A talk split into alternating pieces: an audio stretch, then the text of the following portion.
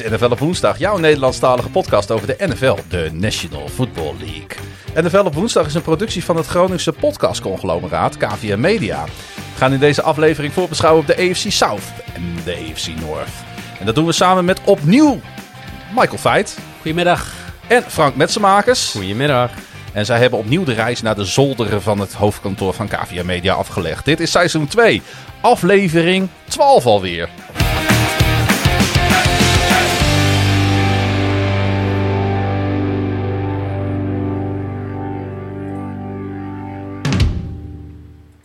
En daar zitten we weer, eh, heren. Ja, lekker. Het is een paar dagen na de vorige podcast. Het voelt, eh, het voelt echt als, eh, als een paar uurtjes, joh. Ja, maar ja, nee, ja, echt waar? De Ja. tijd vliegt. De tijd vliegt echt als je het naar je zin hebt. Ja, ja. Het is, het is wel wat minder goed weer dan de vorige keer dat we hier zaten. ja, het is opeens begonnen met regenen, een paar dagen later. Alweer. Alweer. Het is echt, eh, ja. Hey, we gaan eh, AFC, de AFC South eh voorbeschouwen, Michael. De, jouw divisie. Ja, absoluut. Ja. Tenminste nu, mijn divisie. ja, misschien is het goed om even aan de mensen thuis eh, uit te leggen waarom eh, het jouw divisie is. Ik ben op 11-jarige leeftijd naar Amerika verhuisd. Naar Jacksonville, Florida. En dat was in september. Dus ik ben vanaf eh, van de tweede wedstrijd ooit van de Jacksonville Jaguars tegen de Houston Oilers... ben ik eigenlijk verknocht geraakt aan het American football. Ehm, dat was een hele rare divisie, want daar zaten de Cleveland Browns volgens mij toen nog in. Dat is vijf teams eh, divisie. Ja, was de Steelers, Browns, Oilers, Jaguars en de... Oeh. Nou, laten we zo zeggen, de Ravens bestonden nog niet. De Bengals, toch? De Titans bestonden nog niet. De Bengals waren- de Bengals, ja. zijn. Panthers? Nee, Nee, nee, nee. Die, best- Oh, die zouden Die zijn aan de andere kant, hetzelfde jaar expansion team. Oh, ja, waren de, ja. Bengals waren dat, toch? Ik denk het wel. Dat waren die, die, die twee overgangsjaren, hè? Ja. Voordat de reshape van de NFL kwam. Nou, Dat was de AFC Central. Dat was de AFC Central inderdaad, ja. Dus ik, ik ben opgegroeid in die tijd. Eh, het is ook heel leuk dat je op een gegeven moment weer Houston terugkreeg in de AFC South. Eh, Titans, die kwamen eigenlijk vanuit de... Nou moet ik heel even nadenken. Ja, die zijn van Houston zijn ze via Memphis naar Tennessee gegaan. Ja. Eerst nog even als de Tennessee Oilers. Eén of twee seizoenen. En toen En zijn de het de Tennessee Titans geworden. En ehm, Volgens mij ja, hebben ze een seizoenetje Memphis. Of ze deden vier in Memphis en vier Ja. in Nashville. Eén van de twee. 50-50. en Indy is volgens mij overgekomen van de North toen als vijfde team naar de South. Historisch eh, is. makes that sense natuurlijk. Ja. Indy zat volgens mij in de East. Dat, die zat bij de Ja, Patriots maar- in. Nee, want er waren maar drie, vijf team divisies. Maar anyway, het was een hele rare andere tijd in de NFL. ja. Ik heb eh, met de Jaguars heel veel lol gehad. We waren in het tweede jaar kwamen wij in de playoffs terecht. Het eh, We Believe seizoen onder Mark Burnell, waar we eh, de Broncos op een gegeven moment uitschakelden en verloren van de Patriots. Eh, een jaar daarna hebben we Dan Marino met eh, pensioen gestuurd met eh, 63 tegen 7. En was eigenlijk wel de start van een hele leuke eh, NFL-tijd. Ik ben mijn hele leven Jaguars-fan gebleven, wat toch af en toe wel best wel pijn doet, gezien eh, de seizoenen die daartussen hebben gezeten. Maar eh, AFC Championship vier jaar geleden en, en heel veel leuke dingen meegemaakt. Eh, het leuke, we hebben, het- we hebben het een klein beetje erover gehad de vorige uitzending. Je kan niet degraderen in de NFL. Ja. Dus je kan je heel erg gaan focussen op groei van spelers, over een nieuw systeem, dat soort dingen. Zonder de angst dat je daardoor ook gaat degraderen. Waardoor je ook echt hele talentvolle spelers in, in Florida hebt gezien. Ehm, Maurice Jones-Drew, Jalen Ramsey. Ehm, ja, echt eh, een hele leuke tijd gehad. En eh, jij woonde dus in de buurt van Jacksonville of ook echt in de stad? Ik woonde in, in Sawgrass, dus in de wat rijkere wijk van... Jacksonville is toch de, qua oppervlakte de grootste stad van de Verenigde Dat Staten. klopt 100%. Maar ik heb ook wel gelezen dat, eh, los van het feit dat daar zeer eh, nou, competente serveersters rondlopen. Ja, is dat jouw mening of is dat de mening van Ben Roethlisberger? Je bedoelt Ben Raplesburger. Ja, die vindt daar wat van. Eh, nee, de, de, de, dat Als dit, Jacksonville... als dit de indicatie is voor het niveau van de rest van de podcast, dan zou ik gewoon eh, de luisteraars willen adviseren de vorige nog een keer terug te luisteren. Dat, ja, die, was, die was nu al beter. nee, dat Jacksonville een van de meest leefbare steden ook van eh, Amerika is. Het begint er steeds meer te worden. In de tijd dat ik er woonde niet. is, dat, is, heeft dat, is dat, correleert dat? Of, eh, Nou, ik denk niet dat ik zoveel invloed heb op een stad van 1,3 miljoen. Nee. Ehm, Jacksonville begint inderdaad gewoon steeds beter. Het was een beetje de, de trashcan van Florida. Ja. Nou, het blijft ook in Florida, dus op, in die zin, eh, ja. blijft het gewoon Florida. Maar wat je, wat je gewoon heel duidelijk merkt is dat ehm Jack's Beach wordt gewoon steeds beter. Er worden steeds meer investeringen gedaan in de infrastructuur. En dat is ook een van de weinige steden die na een orkaan nog steeds zou kunnen doorleven. Omdat ze Hm. echt eh, bijvoorbeeld ehm storm drains, alles gewoon op orde hebben. Omdat daar gewoon zoveel geld verdiend is afgelopen jaar qua economie, ook qua militaire stad. Dat, dat het ook een veilige stad is qua ehm, gezondheidszorg en qua storm drains. We hebben het, we hebben eerder, van, eerder eh, vandaag erover gehad. Ik zou niet in Amerika willen wonen, meer door de gezondheidszorg en door de infrastructuur. En Jacksonville is een van de redenen daarvan, maar beginnen steeds meer mijn gevoelens daarin te veranderen, omdat ze steeds beter qua stad ook eh, beginnen op te bouwen. Maar nog even terug naar de Jaguars. Als jij general manager zou zijn van de Jacks, wat zou je als eerste veranderen? En niks. Op dit moment niet. Nee, maar het grappige is, eh, ik ben ook Marlins fan. Miami Marlins, eh honkbal. Ehm, de Marlins winnen één keer in de twaalf jaar winnen ze de World Series. En de rest van de elf jaar zijn ze niet om aan te kijken. Ik win liever één keer in de twaalf jaar een kampioenschap... dan dat ik bijvoorbeeld een eh, Chargers fan ben... en eigenlijk altijd rond die 8 en 8 zit. En als jij een eh, seizoenkaart bij de Jaguars cadeau zou krijgen en je moest kiezen, clubseat of in zo'n bubbelbad? Bubbelbad. Ja, ik ook. 100 Maar ik heb ook clubseats gehad daar. Dus, en dat, eh, zit je tussen... eh, ehm, ja, ik weet dat veel mensen deze podcast luisteren met politieke affiliaties. Maar Jaguars is echt een team waar in Jacksonville heb je echt irritante republikeinen. En daar is de, hele clubseats mee gevuld. Dus als je daar scheldt of schreeuwt of iets, iets ook maar doet... dan word je gelijk, krijg je de beveiliging erbij. En ik ben als 14-jarige tegen de Titans in de AFC Championship... ben ik ooit een keer het stadion uitgegooid omdat ik te veel aan het schelden was. Jeetje. Thuis nog op je dak gehad of eh, viel dat mee? Ehm, mijn stiefpa wel. Ik Ah. niet. Ah, ja, zo. Tuurlijk. Hij was- vond het terecht, maar hij vond het niet kunnen ten opzichte van het feit dat er te veel klachten waren gekomen. En eh, ik, ja, het is, dit is een beetje een vervelende vraag. Want eh, nou, ja, ik ben in de gelukkige omstandigheid dat ik eh, fan ben geworden van de Baltimore Ravens. Die praktisch ieder jaar meedoen om de knikkers. Sinds jij fan bent geworden. Eh, nee, dat is ook natuurlijk Nee. eigenlijk niet helemaal waar. Ja, Eigenlijk altijd wel. Nee, Ja. de eerste vier seizoenen was het niet om aan te zien. Toen ze van de Browns naar de Ravens gingen. Ja, nou ja, goed. Oké, van 96 tot en met 99 was het Ja, misschien maar- niet, ja, eh, niet nee. geweldig. En sindsdien doe je gewoon Maar mee. laten we zeggen dat de Ravens 20 jaar lang eh, meedraaien al Ja. aan de, in de top van de AFC. Ja. Hoe houd je het als Jaguars-fan vol als je echt seizoen na seizoen na seizoen losing eh, records draait? Nee, maar dat is niet waar.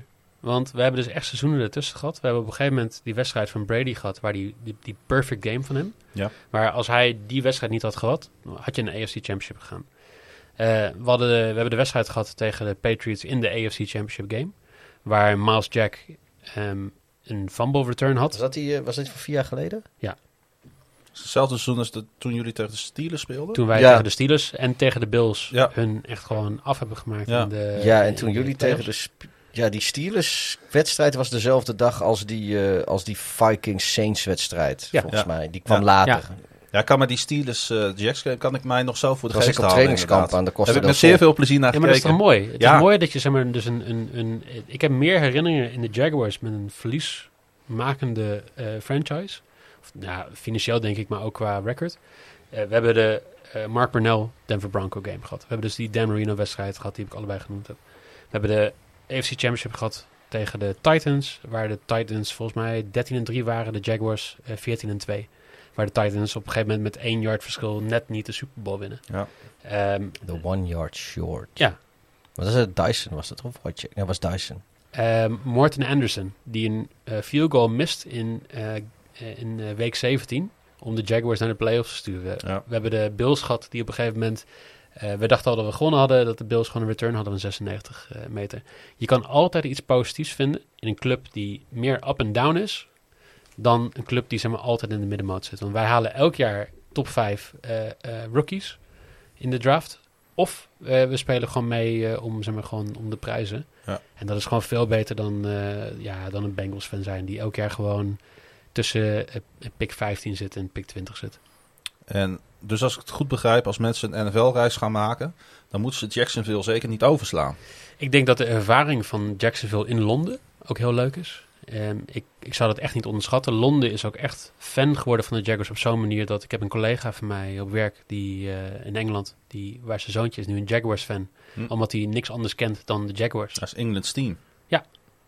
En dat is echt, dat, dat is echt geen grapje hoe erg dat onderhand daar begint te leven. En ehm, ja, ik, eh, weet je, ik, ik kan er echt van genieten. En ik kan er ook van genieten dat je inderdaad vorige week gewoon, eh, vorig jaar gewoon week 1 wint. En denkt, nou, dat gaat een goed seizoen worden. En wat was, on- wat was onze record, Pieter? Vorig jaar? Ja. 1, 15. Dus eh, hoop is een fikkel ding. Ah, we gaan zo meteen verder praten over die Jacksonville Jaguars van jou. week 1, toch? Colts was dat, ja. En eh, we hebben afgesproken om eh, van wal te steken met, eh, met eh, de AFC South. En eh dan gaan we beginnen met de Houston Texans, eh, lieve Misschien mensen. wel de meest dysfunctionele franchise eh, Ja, van de NFL. Dus Ja. denk ik niet, geen hot take of nee, zo. eh. nee, de weirdest roster in de NFL. nou ja, het 4-12 seizoen vorig jaar was nog niet eens het of een drama. Natuurlijk is het oppassen dat de glijdende schaal niet is ingezet. Maar in 2017 noteerden de Houston Texans hetzelfde record. En de twee jaren daarop volgend werden ze divisiekampioen.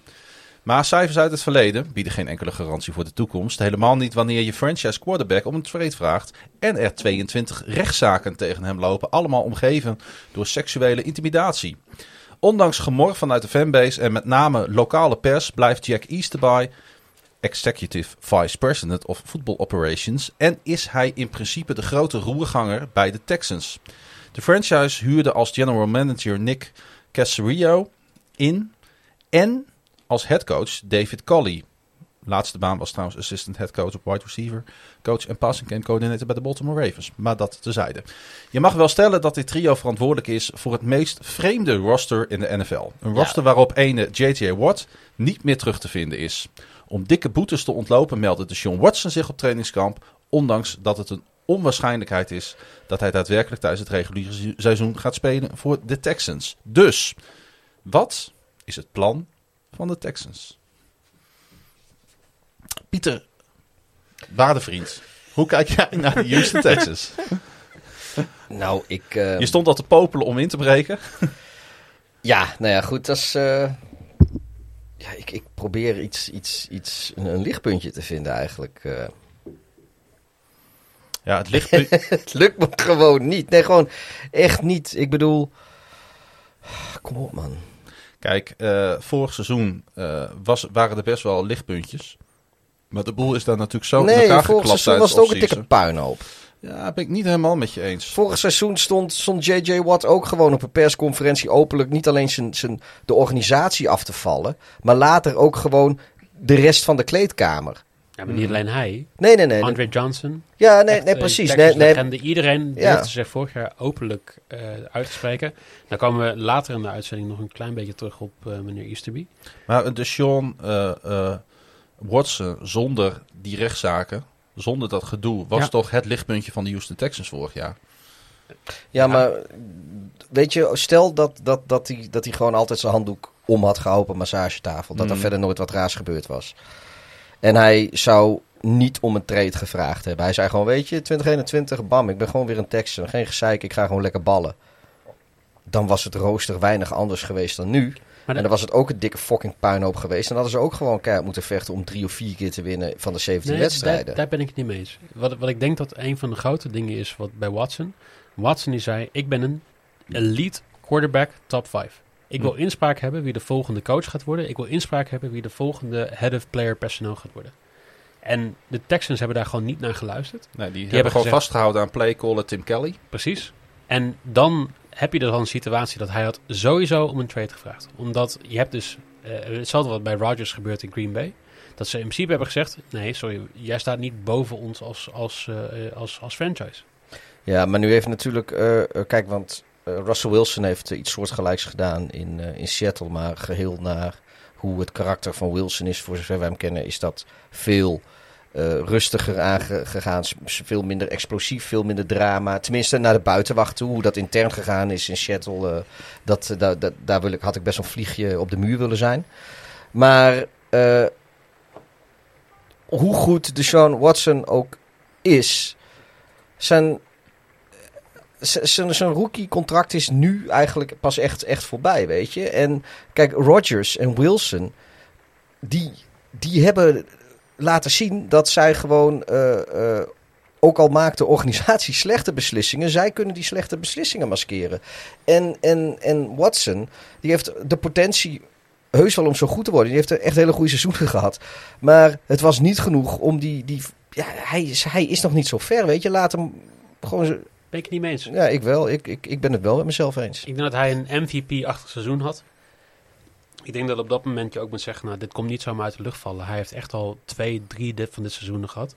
Ja, maar hij is een quarterback. Hij is geen spelersmanager. Hij is geen general manager. Wat weet hij Nee, nou van, maar van een dit club gaat om afspraken. Dit gaat om het feit dat jij tegen zijn jongen zegt... hey, wij gaan over twee weken gaan we beslissen en dan gaan we in discussie. Ja, oké. nee, dat is een fout. Ze hebben hem dingen beloofd die ze niet na zijn Precies. Ze gekomen. hebben gezegd, ga lekker Ja. op vakantie. Hij zat in Mexico, zat hij gewoon lekker op vakantie. eh, eh, en dan ziet hij opeens dat...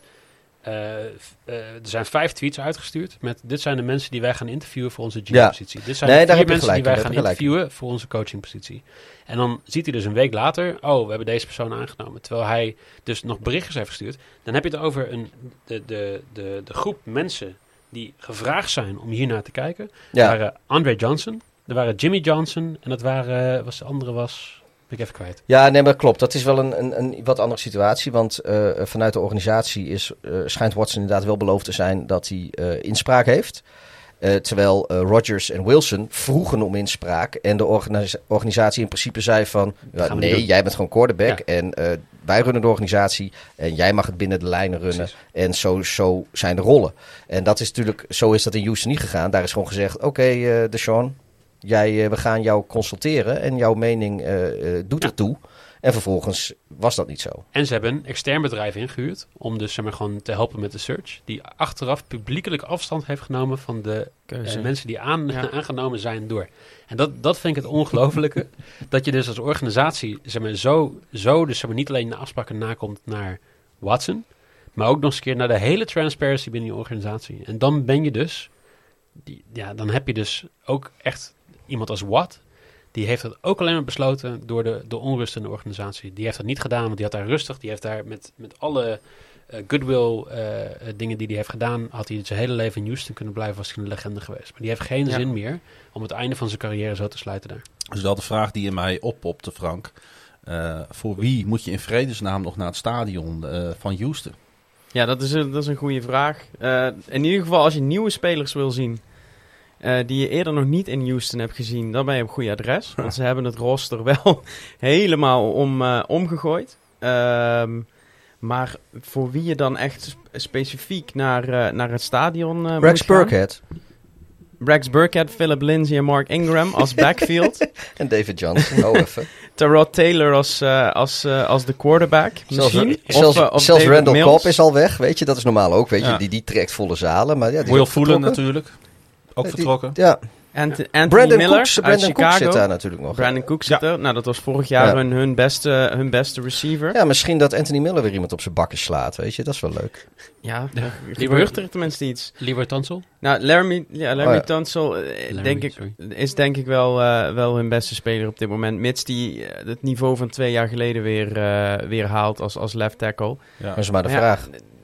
Het, is, het, het, blijft een, eh, een, een, een moeilijk verhaal als je naar dat, eh, naar dat roster kijkt. Ja, ze hebben Chris Conley weggehaald uit Jacksonville. Nou, eh, die speelde daar een matig seizoen. Eh, vijfde string was die volgens mij. Ja, dat zijn de spelers die ze dus hebben binnengetrokken bij, eh, bij de Houston Texans. Ja, en ze hebben nog Zach Cunningham als linebacker. Die had vorig jaar eh, wel het meeste aantal tackles in de league. Dus die heeft nog ergens iets goed gedaan. Maar Nou, om daar, nou, daar lopen we ook niet heel erg, eh, erg warm voor. Wie wordt de startende quarterback in Houston eh, week 1, jongens? Tyrod Taylor. Ja, Tyrod. Ik denk dat we het daar wel over eens zijn. Ja, daar ga je, dat weet je, eh, op die, eh, die kans, die kleine kans die er is dat, eh, dat, je, dat je voor de langere termijn wat een Davis Mills hebt, dan ga je dat dit seizoen niet riskeren. Nee, Pieter, ze hebben Lovie Smith daar binnen gehaald, hè? Als defensive coordinator. Ja, Als ik zeg Lovie Smith, wat zeg jij dan? nou, ik, ik heb wel een beetje, een beetje liefde voor die man. Ja.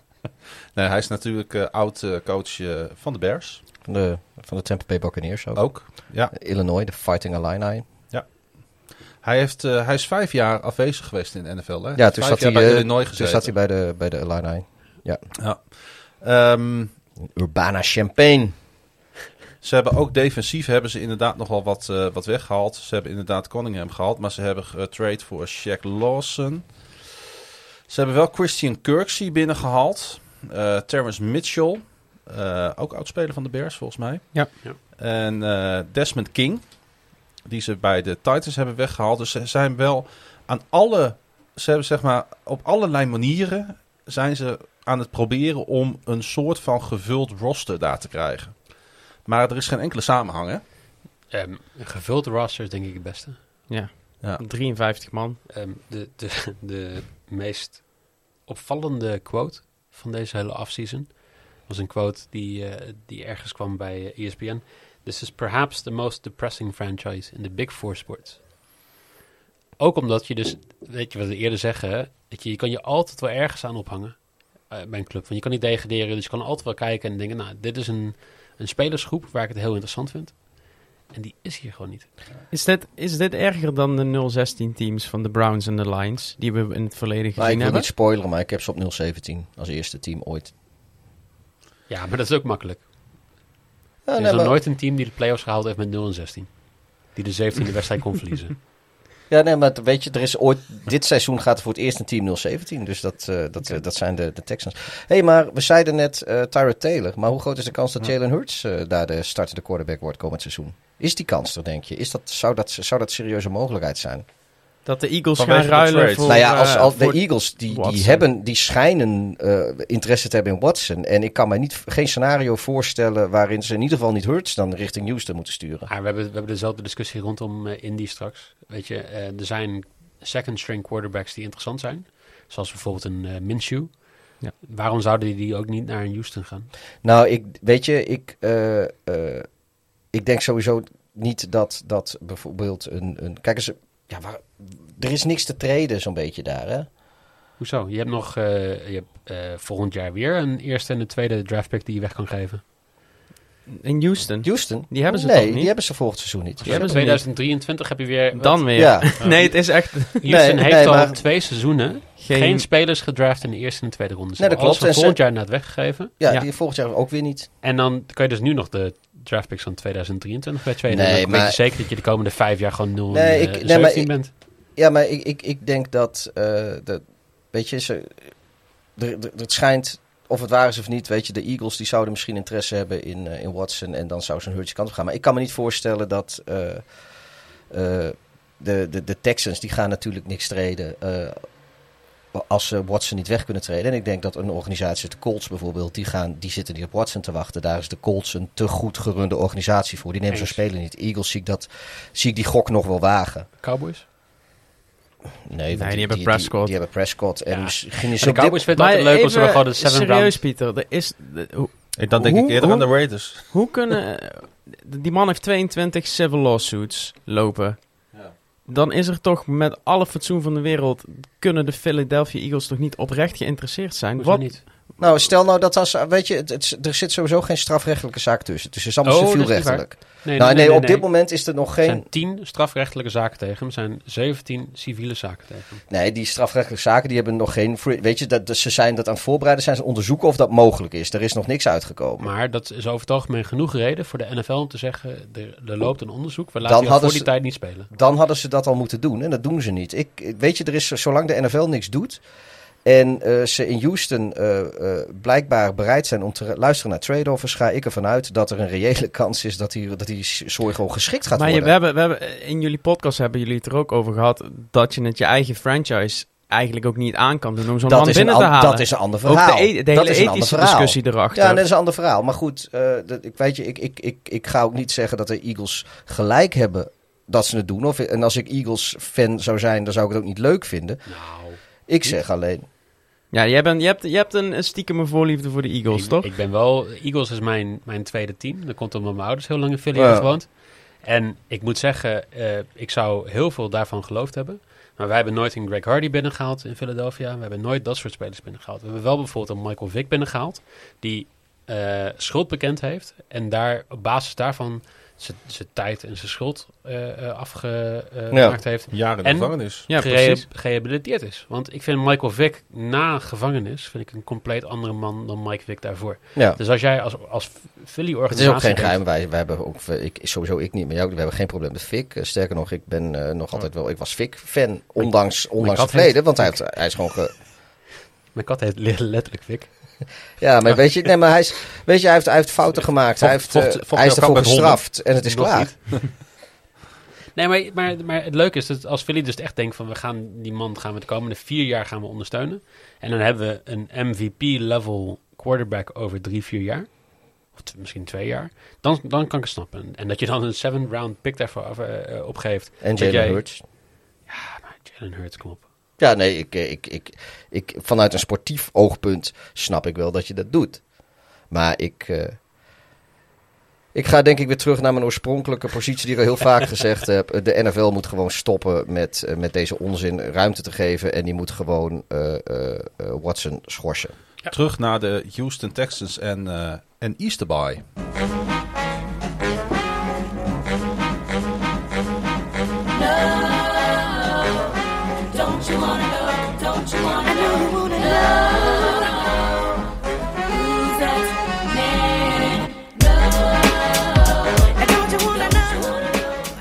Want we konden natuurlijk de gelegenheid niet eh, laten liggen dat jij hier te gast bent en dat we niet een, eh, een, ehm, een, een, een Who's That Man hebben die gelieerd is op de een of andere manier aan, eh, aan Jacksonville. Sorry, Easter B trouwens. Easterby? Jack Easter Easterby. B. Zeg ik het eh, steeds verkeerd? Twee keer heb je het verkeerd gezegd, maar bij deze. Excuses jongens. Jack Easterby. Vergeef Eh, je. wat, wat voor emoties roept deze naam op als, ik, als, als, als zijn naam valt, eh, Mike? Eh, ja, misschien een beetje een gewaagde uitspraak. Ik vind dat er twee dingen uit de NFL gehaald moeten worden. Eén is het eh, eh, zware excessive military pride. En ik vind dat te overdreven. Iedereen die ooit bij een live wedstrijd in Amerika is geweest, die weet dat het spel elke anderhalf minuut stil ligt om weer een, een veteraan uit een of andere oorlog te steunen. Ja. Ik snap dat je dat, Of een New Yorkse brandweerman die op eh 9, of wat is het, 11 september. vind ik iets anders nog. Maar... Nou, nee, maar goed, we, we zijn ook 20 jaar verder ondertussen. Ja, oké. Maar de, ik, ik vind dat dat wel, dat, dat gedeelte wel weggehaald mag worden. Maar ja, dat hou je niet uit de Amerikaanse cultuur. Nee. Ehm, het tweede vind ik dat je... eh, Is eh, Jack Easter- Easterby? Nee, ja, ook. Maar dan wel geleerd aan het feit dat ik vind dat je ehm, beslissingen op basis van geloof uit de sport moet halen. Hm. En Easterby is daar het, het perfecte voorbeeld van. Ehm, ik zeg niet, ik, weet je, het is niet, het is niet op, be- op- op- alleen op basis, want er zijn heel veel spelers die op basis van geloof eh, inspiratie ha- halen in- uit hun sport. En ik snap dat dat een heel belangrijk onderdeel is van ook hoe de NFL werkt. Maar ik vind bedrijfsmatig beslissingen maken op basis van geloof vind ik heel gevaarlijk. En Jack Easterby is voor mij daar de meest, eh, het beste voorbeeld van. Easterby is een man die begonnen is bij de Jaguars als, eh, als stagiair. In 2004 of zo, als ik het Ja. goed heb. Hij heeft een jaartje Een gezeten. soort van office manager-achtige taak. Ja, intern. Gewoon, Een dus die heeft intern, eh, ja. algemene dingen Ja. gedaan. Die heeft daarna heeft hij eh, eh, een paar rollen gehad, waar misschien wel het belangrijkste is dat hij bij, ehm, bij de Patriots heeft gezeten als ehm, is kapelaan, hè? en als ja, personeel motivator, personal coach. Ja, klopt. En ik vind dat eh, er wordt even een moesleutel besteld. Dus Ja, er wordt even bier besteld ondertussen. Ga door. ik En- luister namelijk wel aandachtig. Ik, eh, ik vind het heel interessant dat zo'n rol bestaat binnen zo'n club. Want eh, jongens persoonlijk begeleiden. Eh, het klinkt meer als een bijna missionary positie binnen zo'n club om, eh, om Missionary jongens, eh, positie. Ach, sorry, ja, ik, nu je het zegt, ja. ik hoorde in één keer iets heel anders, maar... eh, Maar Sorry. de reden dat ik het zeg, Easterby is op een gegeven moment, hij was, eh, ja, hij heeft die rol eigenlijk altijd gehad. En hij heeft via de, eh, de gezamenlijke kerk waar hij en de eigenaar van de, van de Texans eh, bij zaten, heeft hij eigenlijk een keer gewoon gezegd, hé, hey, maar als jij nog eens een keer een goede head of personnel nodig hebt, ik ben altijd beschikbaar. En Easterby heeft dat gebruikt om eigenlijk binnen de Texans steeds meer invloed te krijgen. Dat heeft ervoor gezorgd dat eigenlijk al op een hele eh, vroege manier bijvoorbeeld Clowney de organisatie heeft verlaten. Die Andre Hopkins de organisatie heeft verlaten. Duke Johnson de organisatie heeft verlaten. Will Fuller. Will Fuller inderdaad. En omdat zij het niet eens waren met de manier hoe die club gerund werd. Nou, dan moet je weten van. Houston Watt. dat het. Nee, maar dat is pas later. Houston is een best wel eh, religieus gebied in Amerika. En Mhm. spelers die daar komen, die snappen de omgeving waar ze instappen. Maar hoe hij daarmee omging, was te extreem voor heel veel van de spelers die daar uiteindelijk kwamen te spelen. Die, die wilden op een gegeven moment weg. Nou, dan ga je nu een rebuild in. We hebben net een hele discussie gehad over Watson, over hoe die zeg maar, gewoon in dat hele verhaal stond. En Easterby heeft, zijn, eh, ehm, heeft alles eraan gedaan om dus de ratten volgens hem uit de organisatie te halen die zeg maar, gewoon onethische beslissingen maakten. Hij is ook degene die bijvoorbeeld eh, aan, aan eh, collega's heeft gevraagd als zij dus vroegen van hoe moeten we dit aanpakken. Om de handen vast te pakken en erop te bidden en dan daarna zeg maar gewoon dat er een beslissing uitkwam. En ik vind dat soort dingen opdringen aan spelers en aan, aan collega's vind ik, vind ik gevaarlijk. Omdat je daarmee dus een soort morele upper hand krijgt in, in dat soort dingen. Nou, dat, het toppunt daarvan is eigenlijk dat zij dus van plan waren een andere GM aan te nemen. Maar een GM die ook andere taken heeft gedaan die ook Easterby bijvoorbeeld bij Houston had. Dus hij was bang dat hij zijn baan zou verliezen. Hij heeft een prayer session gehouden bij het huis van de eigenaar van de Texans. Waar hij uiteindelijk hem na 3,5 jaar overtuigd had om, om dus inderdaad eh Casiero eh, te halen. Voor 36 miljoen in zes jaar tijd. Eh, een man die nog nooit die rol heeft uitgevoerd. Die geen andere teams achter zich aan had. Of die nog geen offers had gehad van andere teams. Waar de average league pay 2,5 miljoen is. Alleen maar om te zorgen dat, dat een Casiero die niet heel goed in zijn baan gaat zijn. Dat hij zijn eigen baan kan houden. Ja. Nou, daarvan heeft Clowney en dus een, ook een, een Watt gezegd: Ik ben weg. Ik ga dat niet meer doen, want jij, jij drijft de hele organisatie eh, de grond in. Dit is een man die in, eh, eigenlijk aan de macht kwam op het moment dat de Texans met 24-7 voorstonden tegen de eh, Chiefs in de AFC Championship. En nu zeg maar gewoon een team zijn wat, wat je mag hopen dat ze in de komende drie seizoenen meer dan vijf wedstrijden winnen. En dat, dat is puur op basis van Easterby en de connectie en hoe die dingen gebruikt. En weet je, ik, ik kijk de hele tijd ook naar jou, want weet je, eh, eh, ik vind geloof kan een heel belangrijk eh, gedeelte zijn van je persoonlijke overtuiging en hoe jij motivatie houdt uit dingen. Mhm. Maar als je het gebruikt om een overhand te krijgen in je relatie met mensen en in de bedrijfsmatige voering van een organisatie. Dit, we hebben het over miljardenbedrijven, bedrijven, Tenzij het een kerk is. tenzij het een kerk is. Maar dan, ja, Ja, Ja, we, we, hadden hem natuurlijk al een beetje eh, vergeleken met, eh met Rasputin. Ja. Dat is de...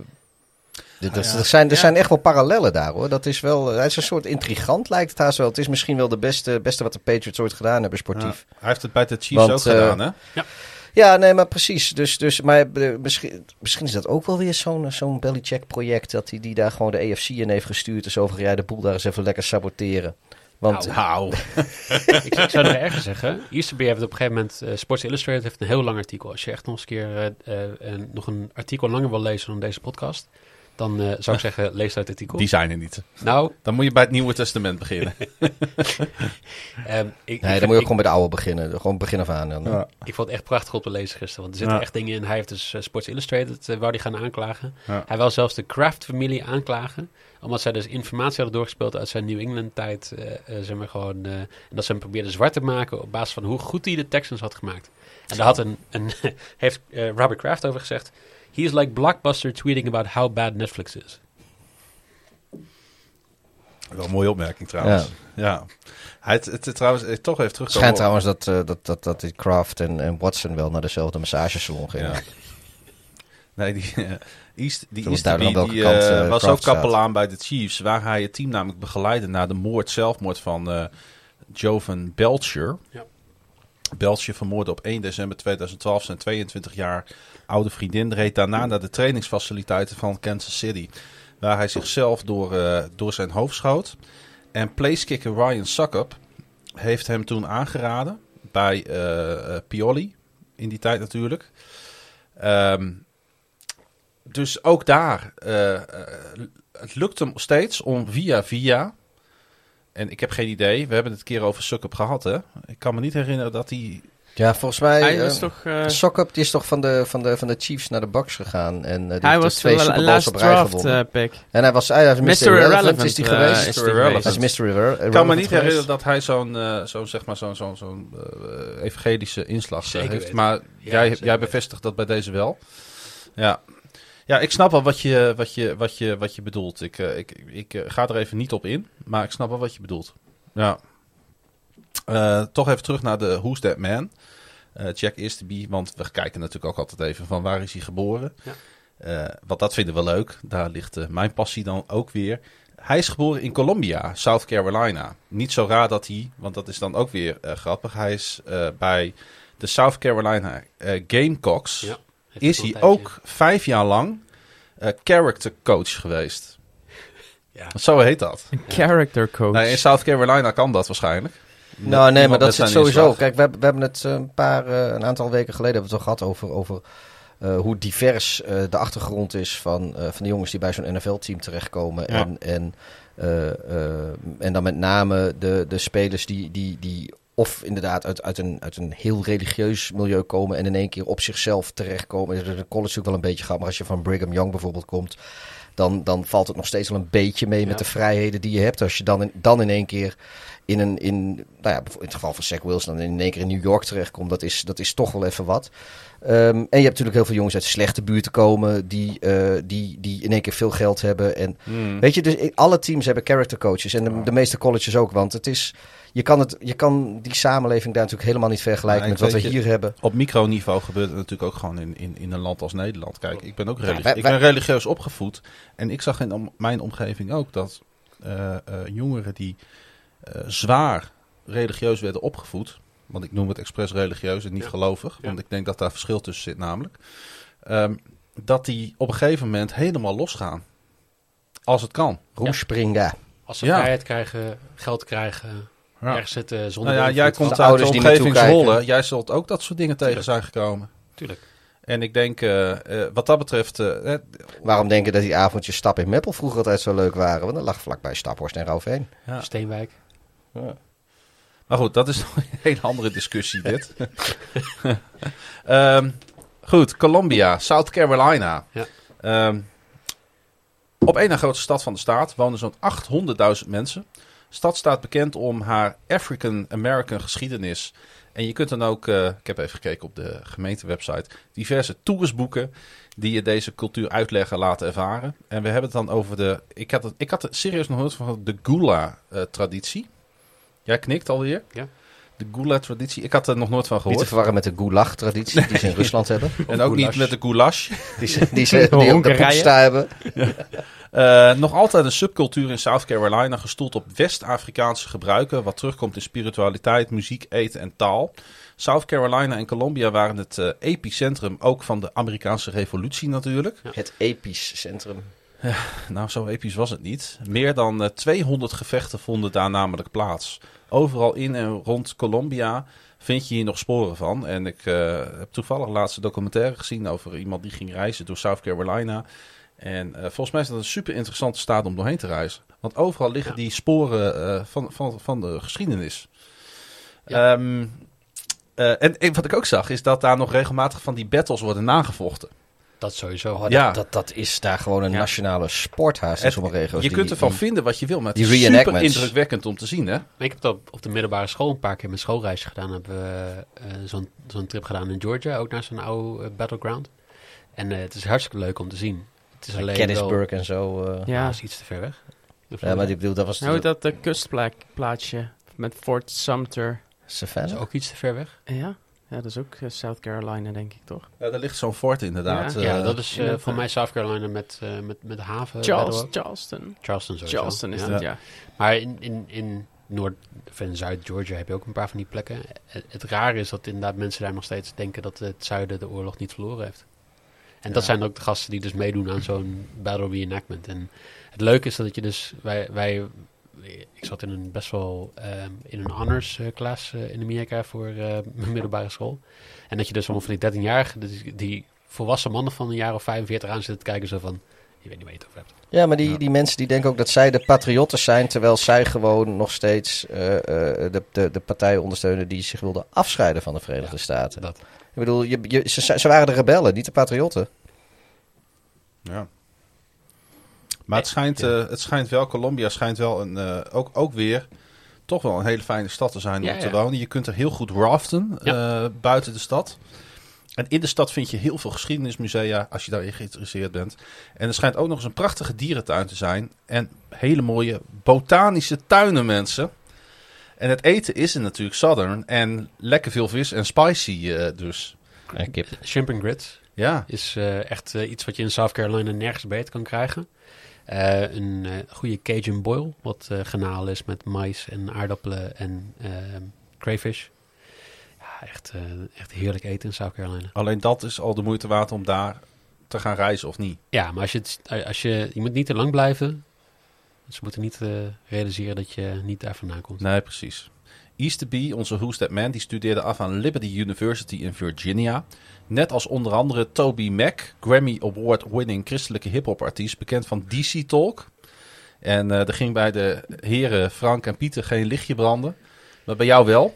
Ja, ik, had, eh, ik woonde in een plek waar je van de 21 radiostations waren er eh, 16 eh, Redneck Country. Dus eh, What Ja. would people say when they know that I'm a Jesus freak? Dat is zijn bekendste nummer. Jesus freak, ja. Ik heb het, eh ik heb het bij Gijs gebruikt Jesus vroeger. Jesus freak. Nee, dat is echt een ander liedje. Oh, Eh Rashad Jennings, voormalig NFL-running back van de Jaguars. Ja. Eh, Raiders, Giants ook. Ook op Liberty University gezeten. En eh, Samantha Ponder, host bij ESPN. Zij was ooit de opvolger van Erin Andrews daar. En is getrouwd met voormalig ik Vikings zeggen, quarterback is Christian Ponder. van Christian Ponder. De vrouw van. De vrouw van. En eh, ja, deze, deze Easterby, nou hebben we ook even zijn background zeg maar eh, eh, neergezet. Dus ik denk dat nu nog duidelijker is eh, waar hij vandaan komt, eh, hoe hij leeft en hoe hij dat dus ook eh, ja, injecteert in zijn, in zijn banen.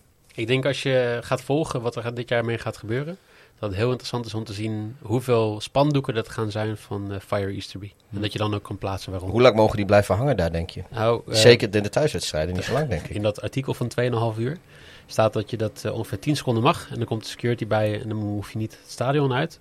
Maar dan moet je wel het eh, doek eh, weghalen. Gewoon een nieuw doek pakken. Weet je, hoe je gewoon, zeg maar, dat als, net als wat je vroeger had, drie kinderen op elkaar in een lange regenjas, die deden alsof ze volwassenen waren, moet jij gewoon met 40 spandoeken, de hele tijd een nieuwe. Z- Zullen wij gewoon met het doek naar Houston toe? Ja, met 40. Gewoon iedere keer, nou neem maar mee, volgende. Don't you wanna? Don't you? Wanna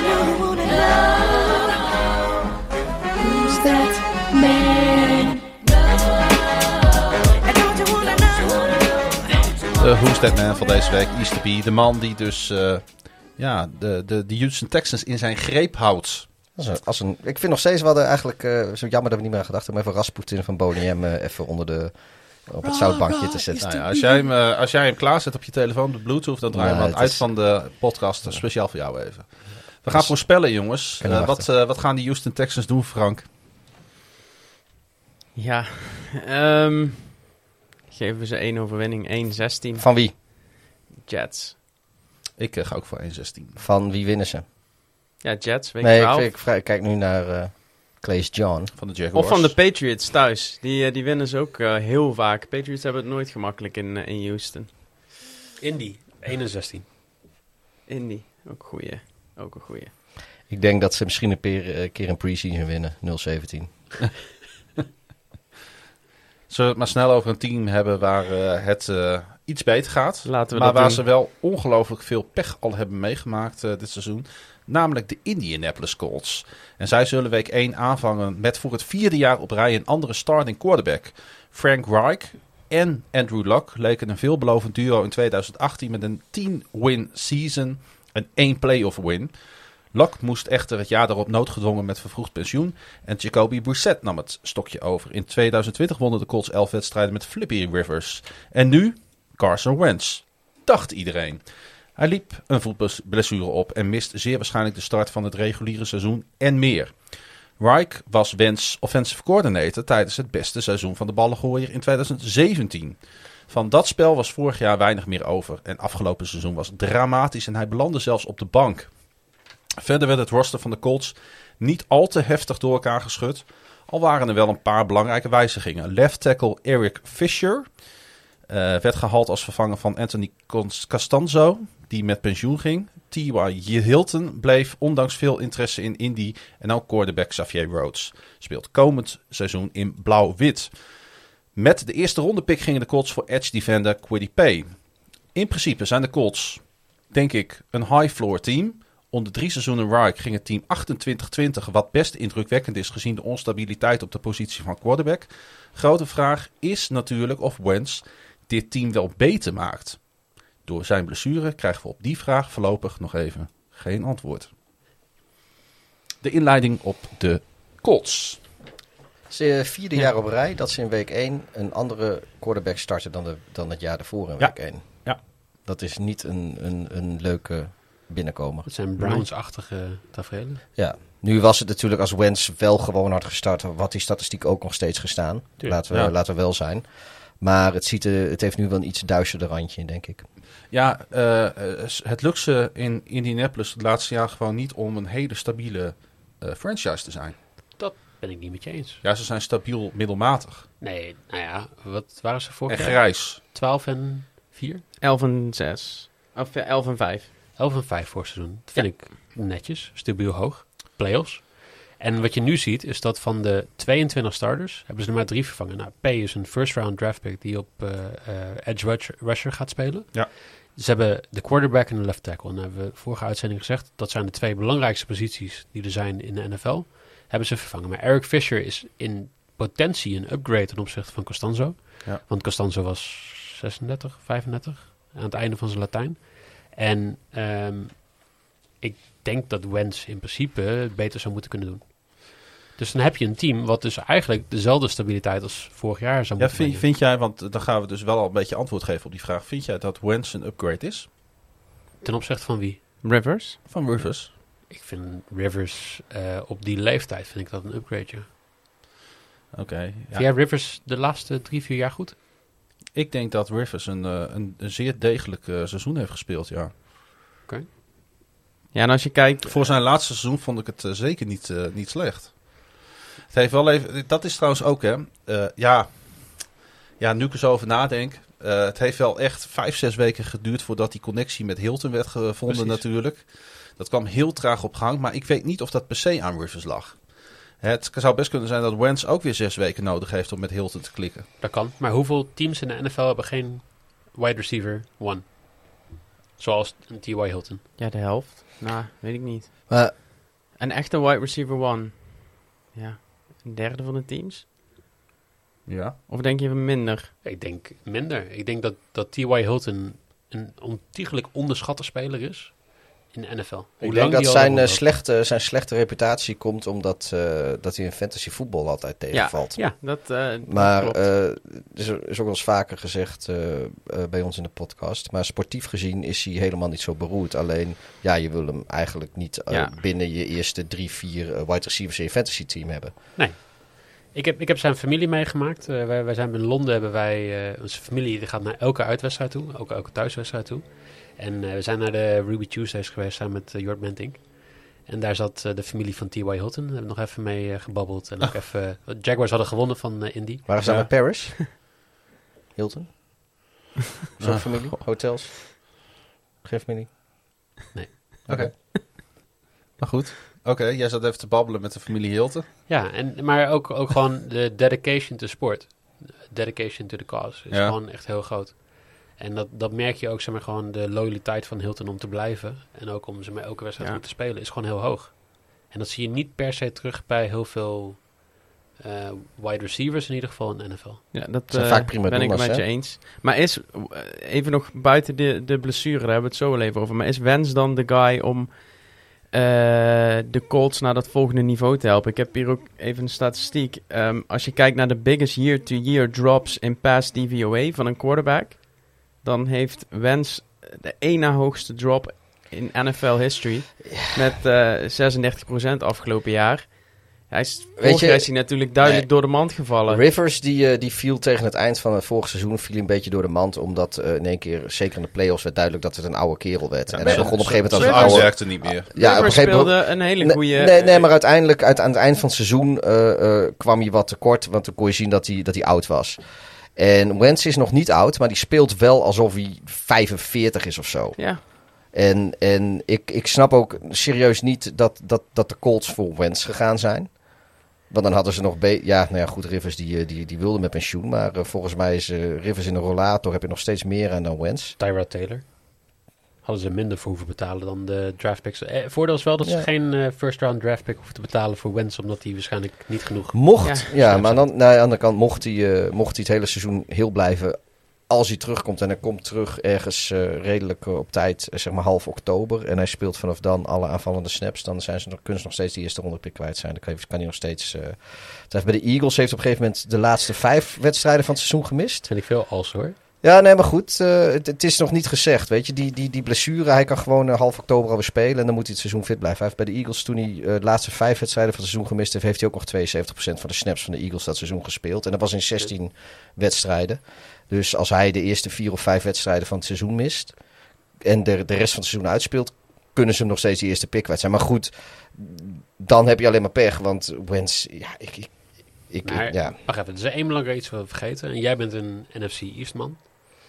Ehm, Frank Reich was zijn offensive coordinator Ja, in Philly. in dat Philly, was een goede, goede mix waar ze eigenlijk gewoon toen de Super Bowl mee hebben gewonnen. Kan iedereen zeggen dat het Vols was. Maar Wentz was net zo belangrijk. Ja, dat seizoen. speelde bijna MVP season dat jaar. Dus, of was dat zijn eh, Ja? MVP season? Nou, ja, nee. daarna, denk ik. weet ik niet zo. Nee, dat MVP-season was toch... Ja, maakt ook niet uit. Maar dat was met Frank Reich, ja zeker. Ja, Dus i- hoe belangrijk is het dat ja jij die dus tandem een- is er, die, die herstel je ermee. Ja. Ja, jij- maar ondertussen is de league via verder, hè? Jij begon over eh Tyrod Taylor. Ik zou die andere Taylor eh, er graag willen ingooien. Jonathan Taylor. Het is maar goed dat ze die hebben. En niet Tyrod Taylor. Of zeg ik het raas? Want ik denk dat zij met, eh, eh, met eh, Jonathan Taylor in principe een van de betere eh, running backs in de, in de NFC, eh, AFC in huis hebben. backup running back? Ehm, waar heb ik het nou over? Nee, maar je hebt gelijk. Mac is in principe daar gewoon, denk ik wel, de starter, toch? Ja, Mac komt natuurlijk terug van de blessure. Ja, je moet, je moet blijken natuurlijk. Maar- Maar, je hebt in ieder geval twee Jonathan gelijkbare Taylor heeft toch geweldig eh, seizoen gedraaid afgelopen jaar. James Robinson heeft ook een goed seizoen gedraaid bij de Jaguars. Maar dat betekent niet dat hij een goede running back is. Nou, dat weet ik niet. Ik vond echt voor een, eh, eh, voor een rookie vond ik echt eh, dat hij dat hij een geweldig seizoen heeft gespeeld. Heb ik het verkeerd gezien? Kan hè? Nee, maar running backs zijn expendable. Zeker als, jij geen, als jij touches krijgt die andere Ja, spelers niet krijgen. Maar goed, hij heeft Heinz, Heinz en Wilkins heeft hij ver achter zich gelaten afgelopen jaar. Dat klopt. Hij heeft zich wel echt stevig gepositioneerd. Ehm, maar hij gaat natuurlijk inderdaad, daar heb je wel gelijk in. Hij gaat natuurlijk concurrentie krijgen van eh, Marlon Mack, de vierde ronde pick uit 2017. Ehm, die in totaal eh 2300 rushing yards en 22 total touchdowns al eh, op zijn naam heeft staan in al die jaren. Ehm, ja, eh, sowieso hè, die eh, running back room in eh Indy, die is eh, nogal gevuld hè. Is heel goed. Ja. Ja. Ja, maar alles hè. De depth. We hebben het, we hebben het vorige uitzending gehad over hoe belangrijk depth is bij een, een team. Indy heeft op elke positie hebben ze gewoon twee Ja. starters. En ze hebben in principe ook een team wat eh, terugkomt van hetzelfde eh, team, zeg maar. Ze hebben Mhm. gewoon nog een jaar met elkaar kunnen bouwen. Ze hebben een heel afseason gehad om, om dit te shapen.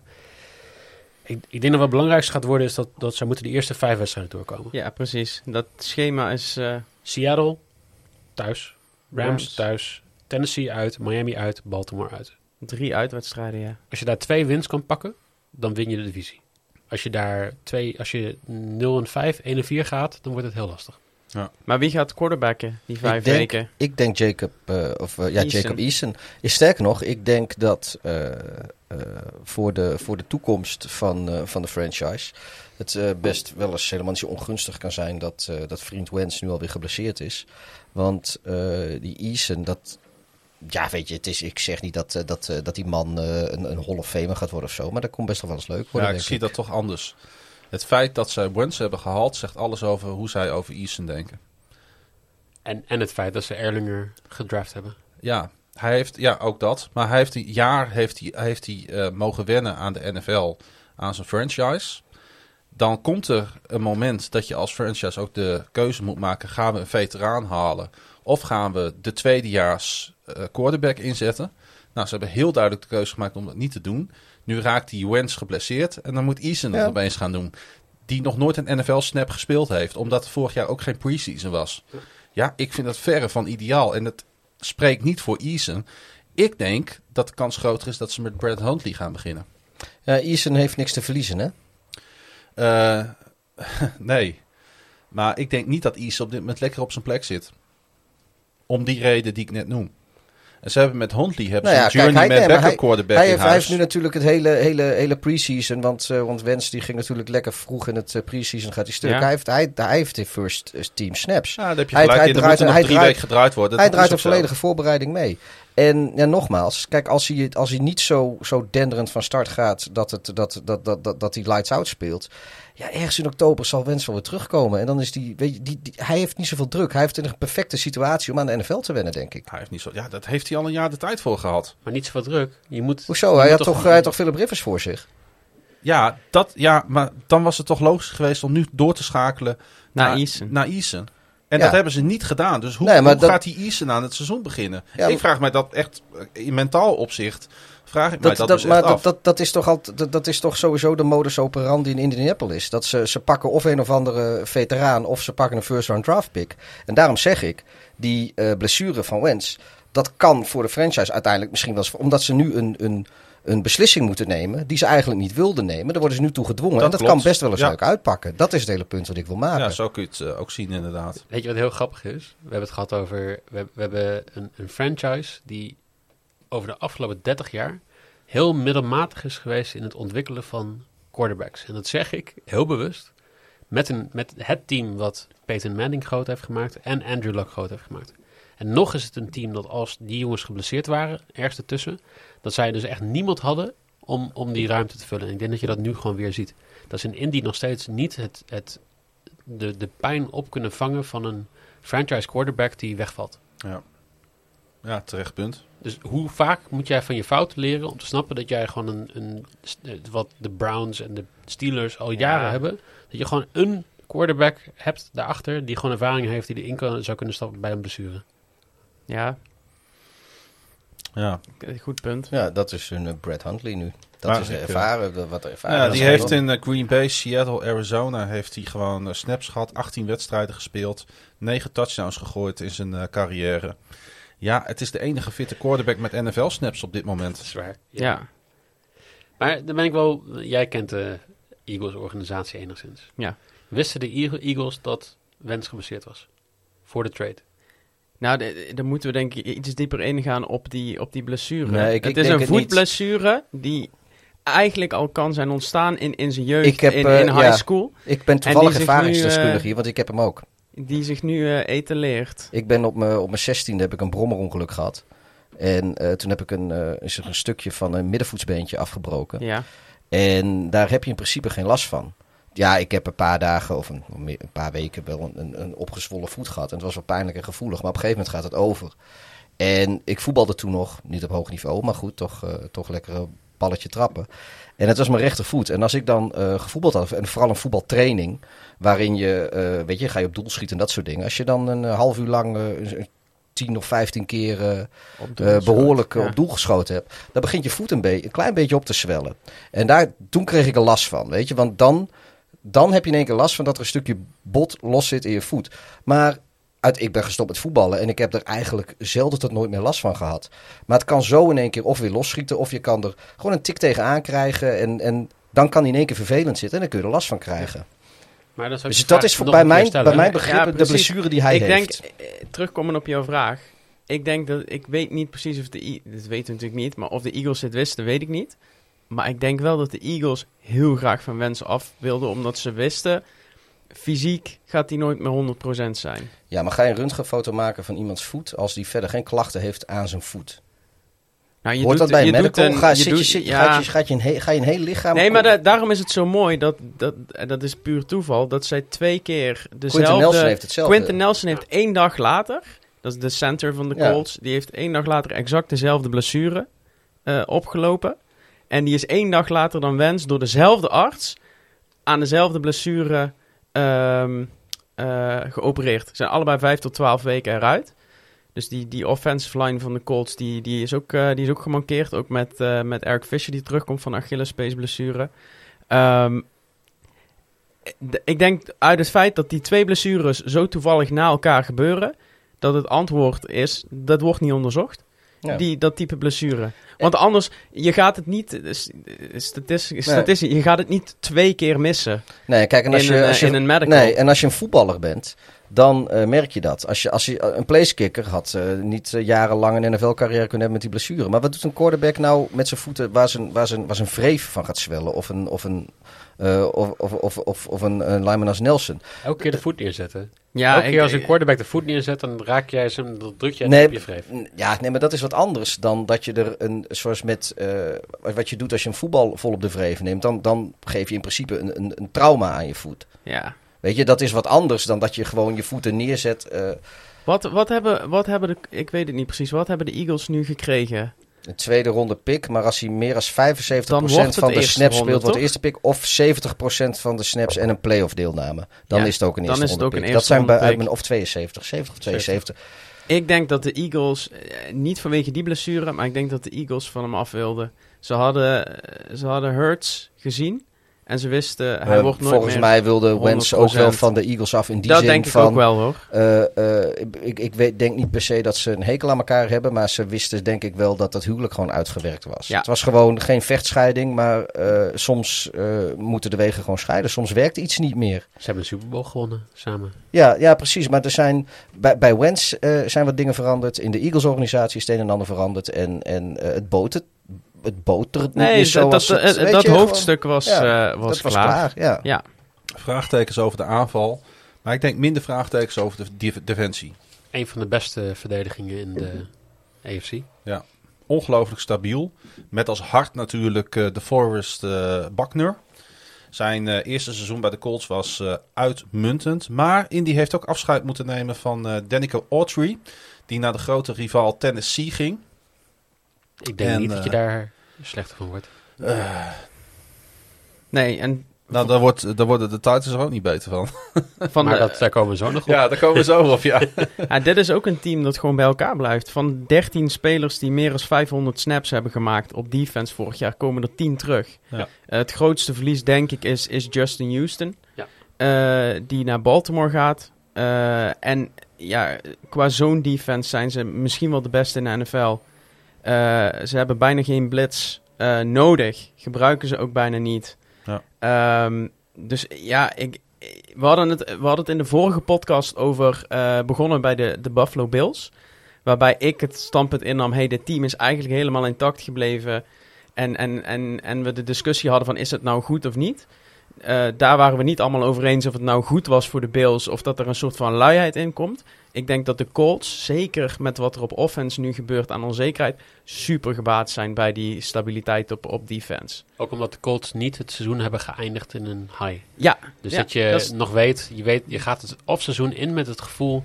Ja jongens, als we volgend jaar alles eruit halen, Ja. dan gaan we gewoon in de playoffs ver komen. Terwijl de, de Bills gewoon heel duidelijk heel ver zijn gekomen. Met Juist. een ander gevoel dan, dan de playoffs. en de divisional situation is ook heel anders voor de Colts. dat, ja. Die, eh, de, de Bills hebben alles te verliezen. Colts hebben in de divisie kans om echt iets te winnen. En het is ook een reële kans als alles gewoon goed valt. Ja, ik denk dat de defensie overal niet per se heel veel beter is geworden. Maar in de NFL zijn ze absoluut boven gemiddeld. Absoluut. En Justin Houston was ook al 4,35 toch? Dat was ook al een einde verhaal. Dat is waar. En die is veel beter op zijn plek in Baltimore. Omdat ze hem daar ontzettend nodig hebben. Ja, en er is er ik één, één leuke speler die terugkomt, die Kamolo Turai. Die was in 2019 eh, echt een van de sterkhouders op, op defense en vorig jaar eh hele jaar geblesseerd.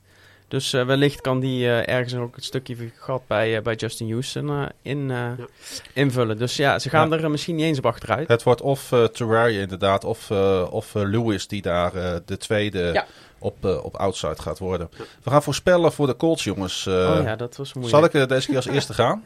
Ja. Ik zet ze op 8-9. Tweede in de AFC South. Oeh. 10-7. Winners.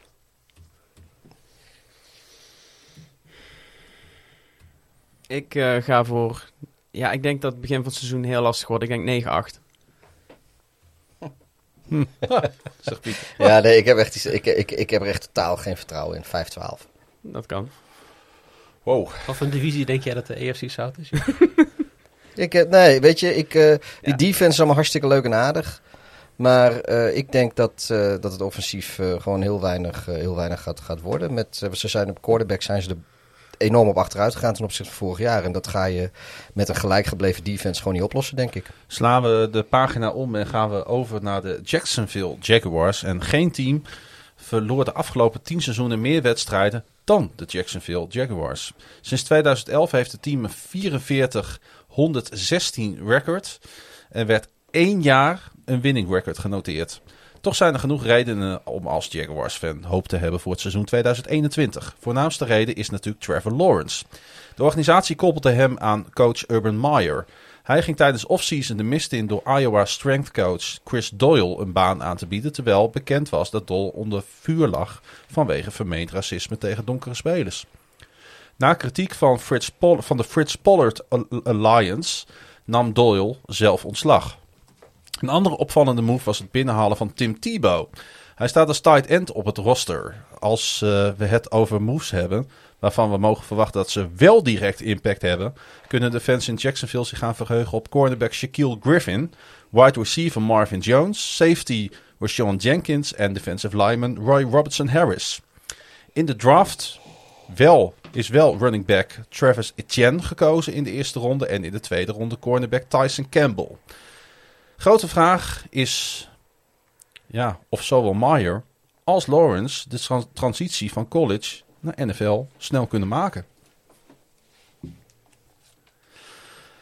Ja, je zit Ja, te dan- kijken, maar ik ben zit- eerst wel benieuwd naar andere mensen. Er zit wat bedenkelijk eh erover na te denken over deze intro. Maar Pieter, eh, eh, eh, is dat de vraag die hier op tafel ligt? Of deze Ja, twee ehm, die transitie ik, snel ik kunnen denk dat doormaken? mijn, eh, mijn mening over eh, Urban Meyer, die is eh, door, de, door het afgelopen off-season heen, is die eh, best wel eh, on record in eh, wat ik erover heb gezegd in, de in, de, in de, volgens mij een stuk of tien podcasts hebben we opgenomen sinds de Super Bowl. Ja. Ehm, de keuze voor Meyer destijds vond ik een hele ik Echt heel goed. Ik, eh, ik, ik had, was daar ook eh, enthousiast over. Eh, sindsdien ben ik niet zo enthousiast over de keuzes die Meyer dan weer heeft gemaakt. En inderdaad, dat, Doyle-verhaal, nou goed, weet je, dat is dan weer rechtgetrokken. Maar dat, dat, dat illustreert dat wel een beetje. Ehm, Tim Tebow, ik snap wel waarom hij dat gedaan heeft. Ik vind het persoonlijk niet per se... eh, ik word daar ook niet enthousiast van. Ik bedoel, ik, ik, laat ik zo zeggen, ik zou heel verrast zijn als Tim eh, eh, de beste beschikbare tight end is die ze konden krijgen. Nou, Dat eh, zou, dat, ja. dat zou mij verbazen. Nou, ik, ik, we gaan nu even over, over Maier nog. En ik heb het idee dat, dat, dat dit een, een keuze is die, die, eh, waar een heel groot eh, commercieel belang mee heeft gewogen. En meer dan een sportief belang. Maar dat is, dat is mijn Ja. beeld ervan. Ik, en, en de draft van Jacksonville, los van Trevor Lawrence. Maar goed, daar kon je eigenlijk ook niet mee misgaan. Om die te, om, als ze die niet hadden gekozen, dan was het helemaal triest geweest.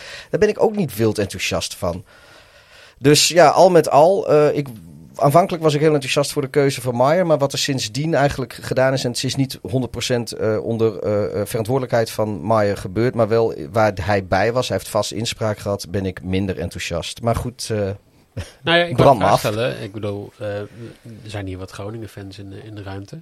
Is het halen van Thibaut niet hetzelfde als het halen van Robben? Ja. Nee. In de, in de kleedkamer, in, in het belang van zeg maar gewoon wat hij kan betekenen voor zo'n kleedkamer, jongens die daar naar En, en ook de uitstraling naar de Ja. regio toe. Ja, ja, maar da- daar zit je weer iets commercieel te denken. ja maar was bij regio. niet iets commercieels? Ja, en ik, ik, ik, ben het, ik ben het ergens Nee, wel met Michael ik- eens. Eh, eh, bij, bij Robben.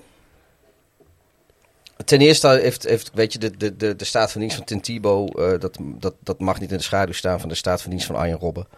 Eh, eh, dus, dus die vergelijking gaat, gaat in die zin al mank. En eh Arjen Robben, die heeft eh, zelf... ja, ja, Hoezo? Twee, twee national championships. ja, precies. Een Heisman. Je moet, het is in in Florida moet je ook in, in college Ja, ja, ja, denken dat- natuurlijk. dat- en dan dat- is Thibaut de- misschien wel de dat is allemaal grootste leuk en aardig, ze- maar hoeveel landstitels en hoeveel bekers en, en Champions Twee. Leagues... Hij heeft twee landstitels gewonnen. National championships. Ja, en, ja, maar nu en Robben dan? Eh, meer. Ja, heel veel. Niet, niet, ook niet een beetje meer. Gewoon heel veel meer. Ja, Rob heeft ook eh, Champions League gewonnen. Hey, maar maar wat Michael Bowl. zeggen is... Maar Tebow is niet in opgegroeid in Jacksonville. Zeker weten. Wel? Ja, het was een jongen Ja. van de streek. Ik Ja. heb op eh, Ja, van de streek. Ik heb op eh, dezelfde high school gezeten als Tim Ah, Tebow. oké. Dus ik, ik ken ook zeg maar gewoon de, de, het belang van Tim Tebow voor Jacksonville. Het idee dat hij dus zeg maar gewoon, hij heeft een, in mijn high school die eh 2 en 9 en 1 en 10 was in de tijd dat ik daar zeg maar gewoon de junior senior was. Hij heeft dat team geholpen naar een state championship. Dat was al zeg maar gewoon heel groot, omdat nou, Jacksonville won nooit state championships in het voetbal. In, in, in American voetbal. Hij heeft daarna twee keer het kampioenschap gewonnen bij de University of Florida in Gainesville. Dus nog, nog niet eens voor Florida eh, in het geheel, maar Noord-Florida is Tim Tebow een legende. Ja, nee, oké. Maar om, om terug te gaan naar jouw vergelijking. Kijk, toen Arjen Robben eh, heeft aangekondigd dat hij eh, van plan was terug te keren bij Groningen. Hij had het toen nog niet definitief gemaakt. Want hij, hij was van marathonloper, moest je weer terugtreden naar voetballer of wh- whatever het verhaal ook was. Hij wist dat hij daar eh, Groningen commercieel enorm mee zou helpen in, in, een, in een coronaperiode waarin eh, de club eh, enorm verlegen zat om geld. Dus ja, dat was een commerciële beslissing van Arjen Robben, niet van Groningen. Arjen Robben Ja. heeft dat gedaan voor Groningen. Groningen heeft, ja, ik zal niet zeggen, Groningen, natuurlijk heeft Groningen wel eens gevraagd, maar dat was voornamelijk in de Nijland-tijd. Voor, bij mijn weten, dan kijk ik even naar, jij, naar jou. Je hebt het meer- volgens mij heeft het, het nieuwere bestuur, het is, die hebben het wel eens gesuggereerd volgens mij, maar die hebben niet op hun knieën gelegen ervoor. Maar, maar los van dat, Ja. Alleen niet Ehm, als speler volgens mij. Maar dat is een heel ja, precies. Ja. Weet je, als jij Tim Thibault in de kleedkamer wil hebben, kun je hem ook gewoon adviseur maken of spelersbegeleid. Weet je, er zijn zoveel Character rollen te verzinnen. Ja, Ja, ka- kapelaan voor mijn part, weet je. Er, je, je, Als je hij kan, iets kan, dan is het kapelaan zijn. Nee, want ik volg hem op Facebook. Ja, nee, Nou, dat, nee, dat is sowieso. nee maar dit, dit, ik vind dit, eh, eh, eh, weet je, ook al zijn de bedoelingen goed, ik vind dit een, een, een, een middelvinger naar eh, eh, eh, jonge, talentvolle tight ends die, die, die gewoon vechten om, om een positie in de NFL. Die- Want je die- zegt gewoon die zijn ja, er niet in Jacksonville. We, we hebben echt letterlijk, zeg maar gewoon, daarbij kan je beter, dus zeg maar gewoon de third string tight end kan je Tim Tebow maken. En de ervaring die hij meeneemt in een locker room, dan zeg maar gewoon de third end tight, tight end, Ja. de third string tight end. Kijk, O'Shaughnessy is de tweede, tweede tight end. Wat hij kan, kan Tebow ook. Ja. En eh, echt letterlijk, hè, je zegt het commercieel belang van bijvoorbeeld een Robben bij Groningen. Het commercieel belang van Tebow. Tebow heeft meer shirts verkocht dan iedereen behalve Trevor Lawrence. Ja. En dat is voor iemand waar mensen van weten dat mogelijk hij genees op de roster gaat staan. Maar mensen willen gewoon een Jaguars jersey met Tebow op de achtergrond. Dus onderschat niet hoeveel waarde hij ze maar die club geeft. Net zoals bijvoorbeeld dat Robben ook voor Groningen is. En, en zodra je dat snapt, dan snap je ook waarom het zo belangrijk is dat hij dit seizoen meedraait. Want dit is een opbouwjaar van de Jaguars. Dit is een jaar waar je dat talent gaat shapen. Waar je iemand in de locker room nodig hebt die elke keer voor de wedstrijd mensen gaat opjutten. Zoals alleen Tim Tebow dat kan. Ja, ja nee, ik was, ik was even inderdaad vergeten. Jij bent natuurlijk, ik, ik wist wel dat je Thibaut-fan was, niet zo'n groot, zo'n groot Thibaut-fan was. Want ik, ik ben nog altijd in het kamp van de hele Thibaut. Had, had eigenlijk geen plaats in de NFL. In de NFL niet. Nee. En eh, nog steeds niet. Nu al helemaal niet meer. Nou, als je Eh. kijkt naar de tight end eh, group van de Jaguars, dan past die er echt prima tussen. Ja, nee, maar ze hadden ook bijvoorbeeld eh, eh, naar Philadelphia kunnen bellen en het opgewarmde lichaam van Shaq Ertz misschien kunnen aantrekken. En dan had je een, had je een betere tight end gehad dan Tim Thibaut ooit zal worden. Ja, nu moeten ze doen met Weet je, als, die, en, en dan ben je, nee, maar dan 12 ben je sportief bezig. Ja, maar da- dan ben je sportief bezig. Ja, maar je? dan heb- moet je wel weer de trade value opgeven om een Zach Ertz te halen. Het, het, het is Ja, maar daar heb je, maar, ja, maar daar heb je meer talent voor dan. Nou, dan geef je de Eagles toch Tim Thibaut. Die hebben ze toch ook al eerder gehad. Maar la- laten we die dan even eh, Jongens, ik even wil het, eh, ik wil, ja? ik wil het eh, toch even hebben over de rest van de aanval. Ja. Want achter wat voor O-line komt, eh, komt eh, onze nieuwbakken eerste pick te staan. Ja. Maar ja, dezelfde Ja, O-line beetje. ongewijzigd. Ja. Ehm, nou ben ik... Cam Robinson hebben ze de fifth year option niet eh, opgepikt. De tag, toch? Die hebben ze gefranchised. Hebben ze ja, ze hebben ook franchise tag in plaats van dat ze hem inderdaad Precies. gewoon eh, de option hebben gegeven. En dat zegt ook al iets. Ja. Want dan ga je dus niet naar arbitration na jaar vijf. Eh, ze kunnen nu inderdaad volgend jaar gewoon zeggen... je bent een eh, free agent zonder dat we daar iets mee hoeven te doen. Alle vijf startende linemen keren terug, hè? Ja, Norwell is natuurlijk de free agent van 2019... eh, die niet heel veel gedaan heeft de afgelopen seizoenen... maar wel heel veel ervaring heeft in de NFL. Linder is gewoon een all-pro center. Ja, wel de helft van het seizoen gemist, volgens mij ongeveer. Eh, gewoon zware knieblessure Ja. heeft hij gehad. Eh, AJ Can is gewoon goed. En Jawan Taylor is natuurlijk de, de first round draft pick van vorig jaar. Ja. Ja. Goede O-line als het gaat om, om upside. Maar heeft het nog niet laten zien. Ik denk wat heel belangrijk is, dat James Robinson heeft gewoon een goed seizoen gehad. En je hebt eh, Etienne, eh, die zeg maar, nou, natuurlijk de Clemson connection heeft gehad eh, samen met, eh, met Trevor Lawrence. En dat, dat zou het verschil moeten maken als double threat. Eh, vind je dat echt dat Robinson het goed gedaan heeft? Want zijn succesrate was niet eh, om naar huis te schrijven. Zijn, zijn yards waren heel goed. In- Ja. eh, achter de offensive line die er vorig jaar stond. Ehm, daar moet je wel contextueel naar kijken. Want eh, iedereen raakte op een gegeven moment geblesseerd. Cam, eh, Cam Robinson, eh, Linder waren geblesseerd. AJ Ken heeft de helft van het seizoen gemist. Nou ja, ze waren Ja. een eh, above average run blocking group, zoals het zo mooi heet. Elfde gerankt door eh Football Outsiders. Ja, maar dat, daar tellen ook de runs van Minshew bij. En dat vind ik dan, dat is contextueel, geeft dat een foutbeeld. Oké. Oké, de fair game. En, Ja. en daarin, eh, ze hebben echt ook wel gekeken van, eh, wat gaan we nou doen met de wide receiver group. Dus je hebt eh, DJ Chark. Ja. Ehm, Maurice Jones is erbij gekomen. Maurice Jones Junior. inderdaad. En, eh, Ja. ik, ik kan nog steeds niet eh, Baby Shark uit mijn hoofd krijgen als ik het over DJ Shark heb. Oh, ja. Katy Perry, dat was ook wat. En eh, eh, om dan een toch ook even... left Ja. shark. Ja, Ja, Baby Shark om even, om even door Ja, te ik, ik moet dan weer aan Left Shark denken. Ja. Als ik Baby Shark hoor, denk Ja, ik ik aan denk Left liever Shark. aan Left Shark Die, dan aan Baby Shark. Ja. Die matige defense van vorig jaar, heeft hij een upgrade gekregen? Eh, dat sowieso. Ze hebben de zwakke plek hebben ze aangepakt. Dus eh, Terrence Mitchell, eh Mara Collins, eh Kirksey en, eh, en eh, Taylor zijn echt wel eh, ehm, een grote eh, eh, upgrade. Nee, ik zit ik ben bij, eh, Nee, ik wou zeggen. Team. Je bedoelt Ja, Jenkins. ik herken zelf niet. ja, maar het zijn dezelfde plekken waar ze vervangen hebben. Dus, Maar jongen, het zijn zoveel teams en spelers, het is je vergeven. eh Janoris Jenkins, eh Shaq Griffin, Ja. Malcolm Brown, Robertson. Wat ik denk veel belangrijker is, Miles Jack. Miles Jack kan uit zijn eh, positie als, eh, als Mike. Mhm. En ehm, daar voelde hij zich eigenlijk niet heel comfortabel. Mi- Miles Jack is gewoon echt een all-pro linebacker, Linebacker. op dit moment. eh, die gewoon naast de echte Josh Allen staat. Die wat ook gewoon in potentie een all-pro De linebacker is. echte. Maar waarom, De Ja. waarom wil die, ehm, wil, is die comfortabeler nu die uit de mic is? Omdat hij niet... We hebben het de vorige podcast gehad over zeg maar, gewoon spelinzicht. Miles Jack heeft dat in principe niet. Josh Allen ook niet. Dus ik denk dat je dat wel oplost met eh, bijvoorbeeld een Schobert. Ehm, en ik denk dat je... Ja, ik vind CJ Henderson vind ik nog steeds een hele interessante cornerback. Die ook zeg maar, gewoon eh, in Florida het juiste dingen heeft eh, geleerd. Ook het systeem wat Urban Meyer ooit geïntroduceerd, ge- geïntroduceerd heeft op verdediging. dat, daar, dat het daar staat. En Hm. ja, ik, ik kan... Behalve Taven Bryan en, en Shaizon kan ik niet echt een zwakke plek vinden in dit team. Dit, dit, Nee, ze hebben eh, zeg maar de hele line hebben ze vervangen. behalve Taven Bryan. Behalve inderdaad, eh, ja, en ze hebben natuurlijk een nieuwe defensive coordinator in Joe Cullen. Ja. Die de laatste vijf seizoenen eh, eh, defensive line coach van de Baltimore Ravens was. Ja. En dat is dus eigenlijk het product van Wink Martindale. Ja, De- Is, dat, is dat positief? ja, dat is positief. nou, ik denk het wel, ja. Nou ja, ik, ik ben altijd fan van, eh van Cullen geweest. Eh, omdat hij heeft toch altijd samen met Wink eh, gezorgd voor...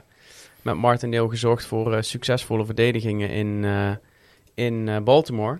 En ik, ik, ik zie ook de, waar, de, waar de Jacks moeite mee hebben... is het cover van de WR1, de wide receiver one. Nogal. Ehm, en dat zijn typisch van die zaken. Dat hebben ze in Baltimore de laatste jaren juist wel altijd op orde gehad. Ja. Ehm, dus ja, dat, dat waren ook andere corners en andere safeties. Laten we dat ook even voorop stellen. Maar ik denk dat een, eh, een hele. Ik vind het een hele leuke combi om Joe Cullen daar te zien. Ik weet, Martindale krijgt nog steeds die headcoaching job niet. Die zit gewoon nog een jaar in, eh, in Baltimore. Maar Ja. rondom hem heen zijn er al verschillende mensen steeds vertrokken. En hij is er één van. Ja, ik denk een goede, hele goede, goede toevoeging. ja. En ik denk dat er iets meer geblitst gaat worden nu ook in, in Jacksonville. Ja, op offense meer play-action. Ja. En op defense meer blitzing. Ja, ik denk het ook. Hey, we gaan voorspellen, de Jacksonville Jaguars. Eh, Ik, Ik eh vraag ik me nog af. Eh eh, Gardner Minshew, is- staat hij in september zit hij op de bank in Jacksonville of, of is hij dan weg? Gardner Minshew is geen goede quarterback. Nee, maar dat, dat was niet mijn vraag. Is hij, eh, is hij, is hij nog in Jacksonville als Ja, het seizoen begint? geef nou eens antwoord op die vraag. Nee, Mark. maar dat is toch het antwoord op de vraag. Hij is geen trade material. Niemand gaat assets opgeven voor Gardner Minshew. En ik denk dat ook hier weer, eh Shakan is iemand die redelijk veel kritiek heeft gehad als een absentee owner. Die zich veel meer aan het bemoeien is nu weer met de club. eh, gezien Tony Kaan de AEW, eh, eh, de worstelcompetitie aan het runnen is. Dus Shakan die, die snapte ook wat zeg maar, gewoon de commerciële waarde is van Minshew in Florida. Ook als backup. Nog één andere vraag. Wat hoe gaan de Jaguars aan het seizoen beginnen? Want ik kijk naar het, naar het schedule. Ze beginnen Houston, Ja. Denver, Ja. Arizona Ja. en Cincy, Ja. Cincinnati. 3 in 1. Want da daar hebben ze, ze kunnen echt een vliegende start maken met dat, met dat schedule. Jacksonville heeft de eh, laagste strength of schedule van iedereen in de NFL. Ja, dat heb je met de eerste, eerste pick natuurlijk al. eh, Heeft de hele AFC South heeft daar gewoon Ja. baat bij. maar nee, die hebben het er zeker. Ja, dus waar gaan ze uiteindelijk volgens jou op uitkomen? 8 en 9. 8 en 9, oké. Geen playoffs. Ehm, ik denk dat de Jaguars afgelopen jaar echt niet zo slecht waren als hun record. Ze eindigden 1-5 in one-score games. Dus dat vind ik al een, ehm, iets om mee te nemen, ook voor dit jaar. Zeker met de upgrades die ze hebben gehad. Ja. Een goede free agency. En in- inderdaad, ik denk overal iets mindere draft. Ik denk dat zij naar... ehm, ehm, eh, ook een 8-9 seizoen gaan. Dankjewel. Mooi. Pieter, de Jacksonville Jaguars. Eh, zij gaan naar een, eh, een record van 7 en 10. En dat eh, maakt ze toch mooi tweede in de divisie. Maar het gaat ook niet genoeg zijn inderdaad voor, eh voor postseason. Ja, en ik ga ook eh 7 en 10. Maar ik, ik, ik merk bij dit team dat ik het heel graag heel leuk wil vinden. Ja, Omdat ik zie wat er gebeurt. Er staan leuke spelers op het roster. Er gebeurt veel. Er wordt aan de zwakke plekken gewerkt. Er is een zwembad in het stadion. Er is een zwembad in het stadion.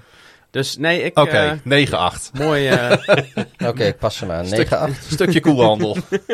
ik er niet hoor. Nee, nee, nee. 7 9-8. en, eh, Nou, maar dit is volgens mij zo'n beetje de eerste, de eerste... Oh nee, want jij hebt weer hetzelfde als mij. Dus hebben we weer niet allemaal wat verschillen. Maar goed, ik- jij ja, hebt dan het kan- 9 mag je Ja. ook 6 en 11, maar Ja. dat vind ik weer te weinig. Ja. Nee, 7 Ik ben en om. eh, 10. We gaan naar de Tennessee Titans, jongens. Tighten up!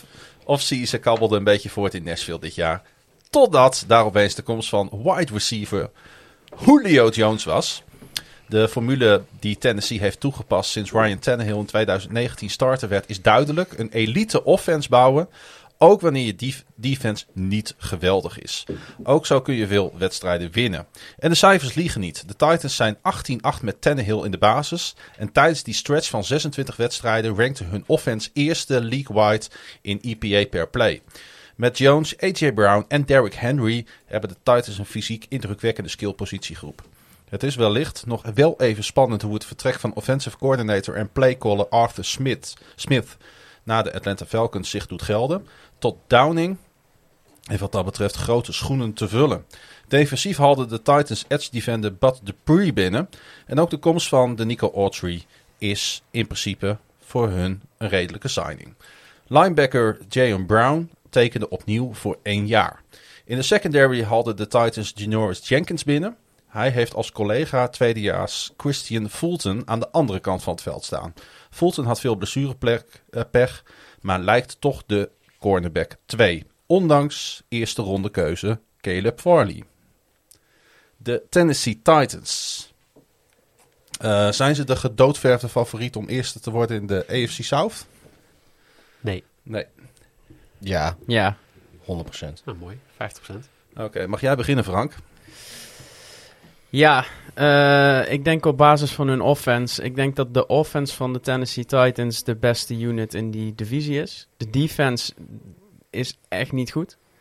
Ehm, Wil je dat nog eh, erger maken of zeg je echt niet goed? nee, echt niet goed. Ja, ik weet wat jij gaat eh, zeggen. Daar hebben we het al eerder over gehad. Eh, maar dat laat ik even aan jou. Maar Maar het is wel Ehm, een hele duidelijke keuze van de Titans natuurlijk. De Frank, Titans zo, gaan eh, vol, op, vol op offense. Ja. En daar hebben ze de, de wapens aan toegevoegd. Ehm, en ja, zij zitten toevallig in, in de juiste divisie, denk ik, om dit team te hebben en toch eh, voor de divisiewinst te strijden.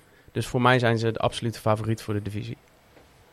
Nou, je mag er wat gaan tegenover zetten, Mike. Ik, ik denk dat Tennessee had vorig jaar de slechtste defense in de NFL. Ja. En nog nooit heeft de slechtste defense in de NFL de playoffs gehad. Tot vorig jaar dan. Ja, tot vorig jaar. Ja, oké. Omdat ze er natuurlijk wat tegenover kunnen zetten. En wat is daar in de playoffs gebeurd? Eigenlijk een, een team met Derrick Henry en met Tannehill die echt zwaar overperformed hebben. Dat hou je niet seizoenenlang AJ vol. Brown. AJ Brown. Maar dat hou je niet seizoenenlang vol. En, en hebben één hele duidelijke statistiek hè, over, eh, over Henry. Hij is eh, een lid geworden van de eh, Club of 370. Hm. The Curse of 370. En ehm, dat is een, een groep running backs die dus zoveel carries krijgt dat ze de seizoenen of het seizoen daarna uitgeput zijn en niks meer doen. Tannehill heeft een overperform gedaan op basis van alle statistieken van de afgelopen 6, 7 jaar van hem. Bij de Dolphins, bij nog een andere Bij plek. de Dolphins. Alleen de Dolphins. ja, ook bij. Dolphins, Titans. Oké. Ja, dat zijn zijn teams. Ehm, ik denk dat ehm, die defense hun niet kan redden als zij een keer. Dat zag je in de playoffs. Dat zij gewoon niet gered kunnen worden als zij een keer een afday hebben. Ja, maar die defense die is toch gewoon eh, wel wat beter geworden. Die defense is niks beter geworden. Nee, dat denk ik ook niet. Ze hebben, ze hebben Bud Dupree hebben ze erbij gehaald. Dat is de enige. But Dupree is, is eh, in principe weggestuurd in Pittsburgh. Omdat men besloot dat hij eh, niet het rendement haalde van de, van de draft. Dat hij niet meer was, waard was dan zijn rookie contract, derde ronde of zo. Maar als je een edge defender nodig hebt, dan misstaat hij nergens. Dan bestaat hij nergens. Maar dan ga je dus denken, nou, is dat de enige free agent? Nee, we gaan... Nou, Christian eh, Fulton is terug van blessure, weet je. Maakt de Ja. secondary weer een tikje beter. Ja. Het, het, het, zijn, het zijn een stukje, het zijn, het zijn stappies. Maar eh, Janoris Jenkins, maakt hij deze ploeg beter? Ik denk Ehm, het wel. Ik denk Ja. het ook. Ja. Op die leeftijd?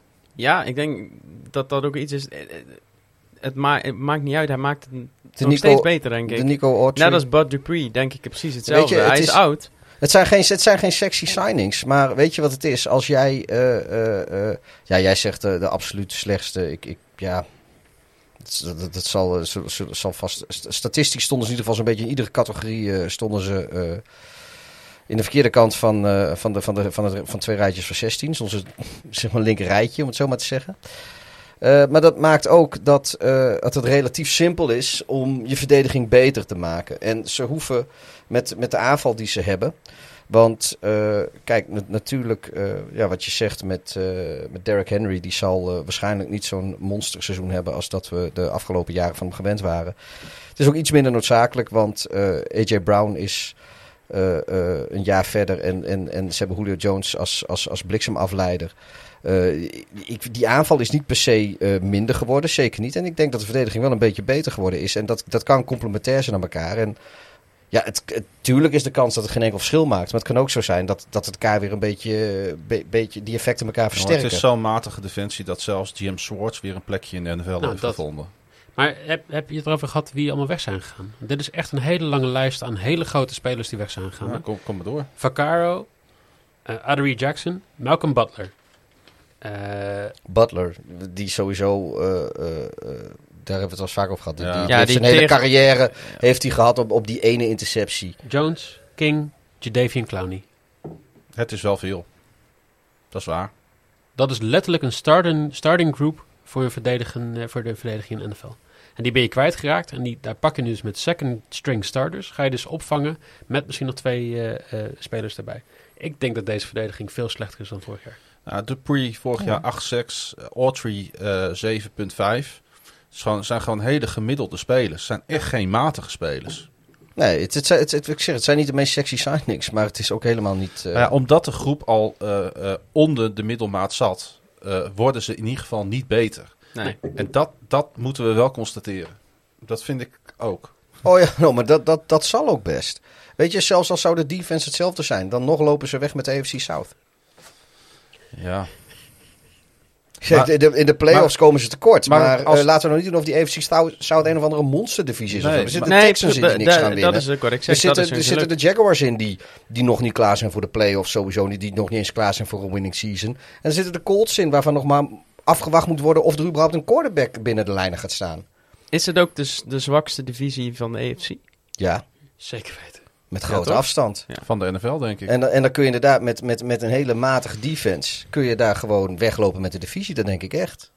Maar als er zand in die aanvalsmotor komt, eh, hoeveel gevaar lopen de Titans dan om die eerste spot kwijt te raken? Ja, veel. Dat, dat is natuurlijk wel zo. Je, dit, is, dit is het minst gebalanceerde potentiële playoff team in de NFL. Zeker als ze wedstrijden gaan verliezen binnen de divisie. Want ze natuurlijk. kunnen alle, zij kunnen alle hun wedstrijden winnen. Als ze een goede dag hebben en die offense die is wat het moet zijn, kunnen zij van iedereen winnen. Maar zij kunnen net zo goed eh, van iedereen. Het is echt een, een high Nee, ceiling. maar, eh, en weet je, 10-7 is genoeg om de AFC South te winnen. Dat denk ik ook. Ja.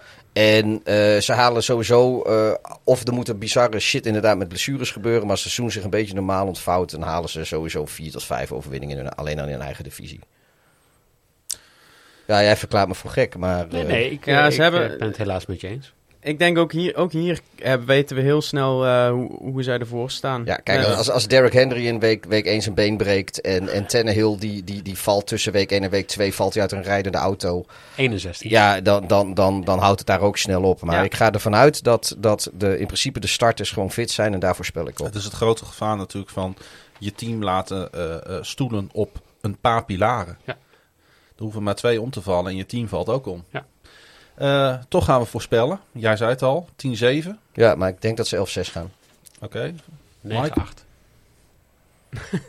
Eh, tien, eh, w- dit is de Dan, laatste dan die wordt we- het als je mijn voorspelling daarnaast zit nog eh, Pieter, wat is spannend, mijn hè? hoogste voorspelling in de AFC eh, eh, South?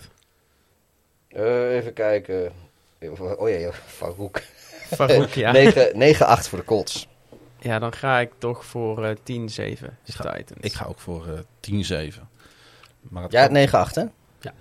Ja, het zit wel dicht bij elkaar allemaal. Ja. Maar eh, Ik heb het volgens mij gezegd, hè. Dus jij, eh, van de ja, jij hebt inderdaad de. Colts, eh, bij jou winnen de Colts de divisie. Ja. Het, het zou ook maar kunnen zijn, we doen nu 10-7, omdat we ook aardig zijn aan het begin van het seizoen. Maar het zou ook kunnen zijn dat de Colts gewoon met 6 en 11 eh, division champ worden hier. De- Eh, dat ze de NFC... eh, Dat ze alleen hun eigen divisie ja, maar dit zijn, Ja. dit zijn vier teams. Die kunnen helemaal door de ondergrens zakken. Want Er zijn genoeg aanwijzingen voor alle vier de teams om te zeggen... dit gaat helemaal niks worden. Nee, maar weet je, kijk, de, de, de, de, de Titans die hebben, eh, die hebben laten zien dat ze, dat ze met een eh, matige tot, tot slechte verdediging gewoon eh, eh, relatief eenvoudig de playoffs kunnen halen. En ja, natuurlijk kan er offensief van alles misgaan, maar ik vind ze offensief vind ik ze zeker niet minder geworden. En misschien Nee. zelfs wel een tikkie beter, sowieso door de lucht. En wat ik zeg, de Colts die maakt een serieuze aanspraak. Maar daar is nu een, een dusdanig vraagteken bij, eh, bij de twee belangrijkste posities op de offense. Op de line en als, als quarterback. Sowieso voor het eerste kwart van het seizoen. Ja, ik, de- weet je, die Titans gaan gewoon de eerste vijf weken, zes weken een voorsprong pakken. Die heel lastig in te halen gaat zijn. Als daar niks misgaat. Dat is een beetje het punt. Anders was het denk ik echt, ging het Colt Titans tot, tot week 18 aan toe, denk ik. Waarvan akte? We gaan doorschakelen naar de laatste Ja, we zijn het divisie eh, in de AFC die wij in deze podcast, deze nu al legendarische podcast, bespreken. de AFC North. En we beginnen met eh, een vraag voor in de huiskamers. Welk team heeft het beste point differential in de NFL over de voorbije twee seizoenen? Jazeker, het zijn de Baltimore Ravens. Ah shit, echt de Browns, joh. Sinds Ja, de... dat had ik ook te denken. Had je echt de Browns Ja, dat is toch een veel beter team. Ja. nee joh, die, hebben- maar Ja. die hebben vorig jaar heel veel eh, wedstrijden... ook- gaan. Steelers, Steelers zijn ook beter. ja, ik verbaas me. Ik vind het verrassende statistiek. joh. Ik dacht eerst de Bengals, maar toen dacht ik... Ja, nou, nee, dat, dat leek Nee. gekkigheid, weet je. Dat was een instinkertje. Ik zat ook, ja, dat is een Browns Steelers. hè. Oh, hadden jullie hem toch even te pakken, hè? Sinds de start van het seizoen 2019 hebben de Ravens hun tegenstanders outscored met een indrukwekkende 414 punten. Bijna 13 per wedstrijd. Het beste team daarna? Oh, even serieus vraag. De Rams? Nee. Als het gaat om eh, point differential. Het outscoren van tegenstanders. Iemand een gok De Chiefs. van jullie? Nee. Nee. Pieter, een gok doen? Zijn dat ook weer de Ravens? Nee. Ook niet de Rams? Echt Nee. niet? Het zijn de New Orleans Saints. Oké. Oh, toch Met nog. eh, 262 punten, 8,2 per wedstrijd. Om even het gat aan te geven tussen de Ravens en de Saints. En daar heb je ook één playoff win eh, voor. Ja, en toch, het is, eh, het, Tegen de Titans. het is het tandem John Harbaugh en Lamar Jackson. Niet gelukt verder te komen dan de divisional round in de playoffs. In 2019 werden de Ravens geupset door de Tennessee Titans na een first round bye. Vorig jaar versloegen ze diezelfde Titans. We hadden het er net over in de wildcard round. Maar volgde, de slechtste verdediging van de AFC hoorde ik net. Dus ik weet niet of dat nou iets is om trots op te zijn. maar volgde verlies in Buffalo tegen de Bills. De Ravens zijn een typisch voorbeeld van een team dat nooit helemaal all-in is. Jackson is nog maar 24 jaar in de organisatie, wordt stabiel geleid door Harbaugh en general manager Eric de Costa. Baltimore is bereid om agressief te handelen, maar probeert altijd te borduren aan duurzaam succes. De hoop is dat de upset in de komende jaren een keer leidt tot een derde Super Bowl. Kan dit al in 2021? Met stabiliteit op co- coordinator, met qua offense Greg Roman en op defense Don Martindale en een aantal broodnodige wijzigingen rond Jackson zijn ze sowieso een high-floor team. Als Jackson heel blijft, moet het raar lopen, wil Baltimore in ieder geval de playoffs niet halen. Daarvoor zijn de coachingstaf en het roster te goed. En toch, in hoeverre het echt een succes wordt, hangt in alles af van het vinden van antwoorden voor hun passing game. Ja, en daar wil ik graag direct op inhaken met een knuppel. Die ik in dit hoenderhok ga gooien. Wat vinden jullie van Greg Roman? Frank, Want ik heb, eh, ik heb, Ik- ik... heb er even in zitten kijken. En ik heb daar een, een, met, eh, een beetje een, een, een mening over zitten vormen. Ja, ik denk dat jij... Ik weet wel ongeveer waar je naartoe wil. Ehm, ook met het oog op, op de balans in offense tussen run en, en pass. Nou, niet, niet zozeer de balans. Eh, ik, ik, ik dacht, wat, weet je, dat is natuurlijk... eh, Baltimore heeft eh, jarenlang al een probleem op wide receiver. Qua, nou nee, eh, gewoon sinds oprichting Ja, 1996. maar goed. Maar we, we praten nu even over, over de huidige Ravens met de huidige staf en, en de huidige spelers. Weet je, de, de laatste jaren was dat gewoon niet bijster veel talent op de wide receiver positie. Nee. Ehm, nou, nu was het ook nog zo dat Lamar Jackson in het begin, volgens de overlevering, dat wat problemen met, eh, met zijn passing game. Dat is tot keurig netjes eh, op, op zich al opgelost. Eigenlijk alles wat van hem gevraagd wordt om te gooien, dat gooit hij, dat kan hij ook gooien. Maar ik heb het idee dat de passing concepts van Greg Roman, dat die gewoon gedateerd zijn. Ja. En dat de huidige NFL qua ontwikkeling in de passing game Greg Roman voorbij gaat. Zijn, zijn running game concepts zijn Ja, maar- geniaal. ja, maar dat, is helemaal, daar wil, ik, daar dat wil is- ik niks dat van is zeggen. disbalans En dat maakt meer, meer dan nooit goed. Dus het gaat niet zozeer... Ja, ik dacht dat je bedoelde de balans tussen de play calling. Nee, ja, maar ook de, de disbalans in de ontwikkeling van de, van de concepten pass en ja. run bij de Ravens zijn heel verschillend. Ik, ik zou wel eens eh, willen zien hoe het gaat als ze eh, eh, er iemand neerzetten die eh, eh, modernere gedachten heeft over de passing game, die, die originelere concepten heeft. En Roman nog gewoon houden, maar lekker als running game coördinator of wat dan ook. Weet je, die, of, of voor mijn part een, een, een soort duw. Want, want Roman heeft zijn waarde, ontegenzeggelijk. Eh, zeker ook met, met het unieke talent wat, wat Jackson heeft. Maar ik weet niet of hij de juiste persoon is om onder zijn toezicht, zeg maar, onder zijn leiding de passing In game te laten ontwikkelen. 2019 hadden de Ravens de meest efficiënte passing game van de NFL. Ja dat, ja, dat zijn cijfers, maar ze moeten ook eh, eh, eh, herhaalbaar zijn. De concepten zijn Mhm. gewoon gedateerd. Dat klopt. Maar het zit wel ergens, de kwaliteit van Greg Roman. Nou, ja, oh, ja, maar nee, ik zeg ook niet dat hij moet ontslaan. Dat, daar ben ik het niet mee eens. Ik denk dat de kwaliteit zit in bijvoorbeeld een Lamar Jackson. En het, het grappige is dat de, de snelheid van, eh, dat zie je in, in het voetbal op dezelfde manier terug. De snelheid van het kunnen interpreteren van data in sport bepaalt ook deels hoe goed je bent in, in, in wat je doet. En Greg Roman verzint iets en de verdediging of een, een, een, een tegenstander kan daar sneller op inspelen dan de Roman zijn spel kan aanpassen op die aanpassing. Qua passing game. Ja, qua passing Ja. game en, en ook qua running game als het passing game gedeelte niet werkt. En Ja. ik denk dat daar gewoon het hele, hele stuk ook in zit. Dat Greg Roman nog steeds ook hij heeft ook aangegeven een keer in de persconferentie. Ik geloof niet in data, want ik zie, het wel, ik zie wel waar de X's en O's staan. Ja. Weet je, eh, Tony Dungy heeft erop gereageerd in, met eh, You don't win anything doing X en O's. Precies. Nou, en daarom wordt dit jaar wordt eigenlijk do or die voor de Ravens offense. Ja. Waarom? Twee jaar op rij hebben ze de beste run game in de NFL. Maar die van vorig jaar was significant minder dan 19. Dat sluit ook aan bij wat jij nu wat jij zegt. Mensen hebben door. En als je kijkt naar de statistieken, dan zijn de Ravens eigenlijk op first en second down runs stuk minder dan in 19 al geweest.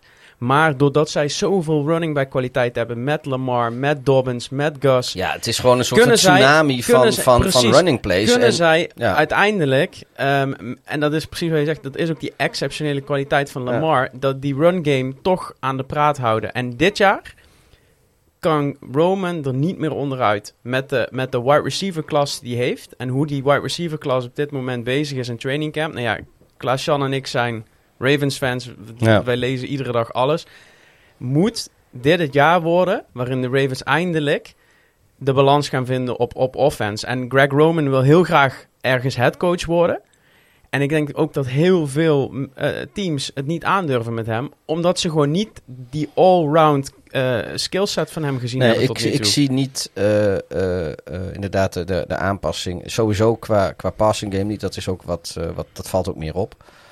Ehm, running game, ja, ik, valt, valt het minder op. Was, was, ik, ik, ik, ik vond, vind vooral zijn, ja, zijn passing concepten vond ik, eh, vond ik wat gedateerd aandoen. Nee, dat Eh. Moet ik wel zeggen trouwens dat eh, daarmee eigenlijk ook wel eigenlijk alle negatieve dingen over de Ravens gezegd zijn. Ja. want het is denk ik eh, ehm, het, een van de meest complete teams in de NFL. Ik, denk, ik, ik weet niet of ze over, over de hele het meest getalenteerde Nee, team zijn. Dan denk ik wel dat de zeggen. Chiefs en de Buccaneers bijvoorbeeld daar wel boven staan. Misschien Bills- zijn de Bills- Browns nog wel Browns, getalenteerder. Maar qua, Maar- qua Qua overall eh, roster zit het, eh, zit het heel goed in elkaar. Ja. Er zijn een paar dingen bij de Ravens die vraagtekens zijn. Eh, grootste vraagteken is de offensive line, die eigenlijk op vijf plekken anders gaat zijn dan, dan eind afgelopen seizoen. Ja, Stanley keert terug als, als left tackle, hoogbetaalde left tackle, komt eh, terug van een eh, zware blessure. Is nog steeds niet fit. Het is nog steeds niet duidelijk of hij week one gaat, gaat halen. Er komt ook een rookie, Ben Cleveland, op die lijn. Daar hebben ze heel veel, heel veel vertrouwen in, maar dat moet ook allemaal maar blijken. Prachtig gaat naar toch? center. En ze hebben twee, eh, ze hebben, ze hebben het Seidler van de Giants binnengehaald Ja, en Villanueva van, van, van de Steelers. Dat lijken op papier lijken het hele goede signings. En dat Ja. lijkt de, de O-line te worden die, die Baltimore eigenlijk Ja, nodig ik- heeft. Maar ik- Ben ik Cleveland, die gedraft is in Cleveland, jongens. Niet door Cleveland. Ja, je had eigenlijk gewoon een, een draft moeten hebben met eh, Cleveland, met eh, Pittsburgh en eh, Joe Ohio of zo. Ja. ja. Sorry, ik haal je uit je verhaal. Nee, nee, Casey, maar de- eh, Casey Bengal. de, de, Ja. Ja, oké, ja. het, het, het lijkt er beter uit te zien dan Ja. vorig jaar, maar het is een O-line en ik- het moet, ik- het ik- moet, ik in, elkaar, mij- eh, het moet in elkaar vallen. Ik maak me over de, de O-line niet eens zo heel veel zorgen. Maar dat, dat komt ook eh, vanwege de manier waarop eh, ten eerste eh, Baltimore de running game heeft ingericht. Eh, en ten tweede ook de, de, ja, de, de talenten die, eh, die Lamar Jackson heeft. Dus als er één team is die, die met eh, eh, een, een paar gaatjes... Weet, weet je, nee, als, als, als het een, een, een trieste O-line is, dan ben je nergens. Maar ik denk van... eh, als je een, een, zeg maar een matige O-line hebt, Ja. of een gemiddelde O-line, denk ik dat Ja. Baltimore er meer mee kan dan de meeste andere teams in de NFL. Dus in die zin maak ik me er niet zoveel zorgen, want ik denk dat die O-line sowieso wel ergens, ergens in de middenmoot eh, Ja. terecht gaat komen over het hele seizoen. En natuurlijk komt, eh, is het belangrijk dat, dat ehm, Nick Boyle terugkomt van een zware blessure. Beste blocking tight end in, eh, in, de, in de league. Ehm, samen met eh, Patrick Ricard, de, de Ja. fullback tight end. Kijk, da- als de, als de Ik- Ravens ik dat soort jersey. mensen in dat soort combinaties fit kunnen houden, dan zijn ze super divers. En, dan, dan, dan, en al, alles wat ik net heb verteld draagt dus bij uiteindelijk aan een efficiënte passing game. Ik word, eh, ik word trouwens wel enthousiast van de... ja, dat is trouwens aan de verdedigende kant meteen, als ik Nou ja, te hard van stapel mag lopen. Graag. Die secondary. Ik, eh, de, de, de defense van Baltimore drie jaar op rij in de top 10 van Ja. de NFL geëindigd. Nu. Ja, kijk, de, de pass rush heeft denk ik iets ingeleverd met eh Julian Ngokwe. Ehm Ngakwe. wat is er nu? Hebben we Ngakwe, whatever. Mhm. Eh, heel, heel onrespectvol klinkt het trouwens. Ja, ik- maar, en dat, ja. maar goed, eh, eh, dat is weer Owe. Owe. Owe. En, eh, en, en Houston natuurlijk, die, eh, die gaan het moeten opvangen. ja, een veteraan Eh, ik aan denk de niet ene dat kant, ze- een Nou ja, rookie aan de het andere vertrek kant. van Ngakwe, dat kan, kunnen de Ravens opvangen, want het was gewoon geen match. Eh, dat Judon vertrekt Maar goed, is, weet je- is, een, eh, is een zwaarder eh, gemis. Het kan best zijn- eh, ik denk dat ze een beetje minder zijn geworden, maar niet heel noemenswaardig. Maar de, de secondary ben ik vooral van onder de indruk. En dat, dat eh, wij gaan natuurlijk eh, eh, ijs en corona dienende naar Browns at eh, Ravens, ja. dit jaar. En, eh, Een affiche om je vingers in principe bij af te ja, en nu een beetje vooruitlopende op wat, wat ik straks eigenlijk wel over de Browns wil vertellen. Maar de secondary van de Browns, daar word ik ook heel vrolijk van. eh, wat, wat, wat die daar hebben staan. ja, ik niet. En het feit dat de. Ja, nou ja, goed, gaan we straks over discussiëren. Maar ik kijk er heel erg uit eh, wat, wat de offense van de Ravens tegen de secondary van de Browns gaat doen. En tegelijkertijd, als dat die matchup niet op veld staat, wat de offense van de Browns tegen de secondary. Volgens mij, ik, ik, daar, daar kijk ik echt naar Ik uit. denk dat heel Ja. wat teams een moord zouden doen voor eh, Marlon Humphrey, Marcus Peters en Tevin Jong als, eh, als eh, quarterback 1, 2 en 3. Cornerback, ja. Cornerback. Corner- ja, ja, dat is ja, Maar ja. als we dan toch een, een zwakte op de, de, in de Ravens defense moeten noemen, dan is het toch first round pick Patrick Queen. Die met name in zijn, eh, in zijn pass defense eh, echt stappen moet gaan maken dit jaar. Begon Dat gek is, genoeg eh, heel sterk aan het ja. seizoen en zakte toen weg, waar je het vaak andersom ziet bij Een de beetje, ook zo'n ook zo'n line, seizoen, zo'n wat er nu line begonnen is. Eh, vorig seizoen. vorig seizoen. O- ook zeggen. zo, we hadden het Sorry. net over, eh, over, hoe heet het nou van de, van Ja, ik de geen bier meer. Jaguars? Oh. Wat, eh, wat is de vraag, eh, Frankie? Hoe heet eh, de, de linebacker van de Jaguars? We net over hadden. Miles, Miles Jack, Jack. toch? Ja, Miles. Ja, ik... Beetje, beetje vergelijkbare speler die eigenlijk iets te veel op zijn, op zijn bordje heeft. In, in, in, in alles, eh, alles mee bezig zijn en eigenlijk nog veel te veel bezig is met, eh, met zichzelf. Niet in, in de fase waar Miles Jack in zit, maar ik herken een beetje de, de, de struggle als linebacker eh, bij, bij Patrick Queen. Dus ik wil, als er dan toch een zwakte op die, in die defense zit, dan is het op dit moment dat hij echt die leap moet gaan, eh, gaan maken.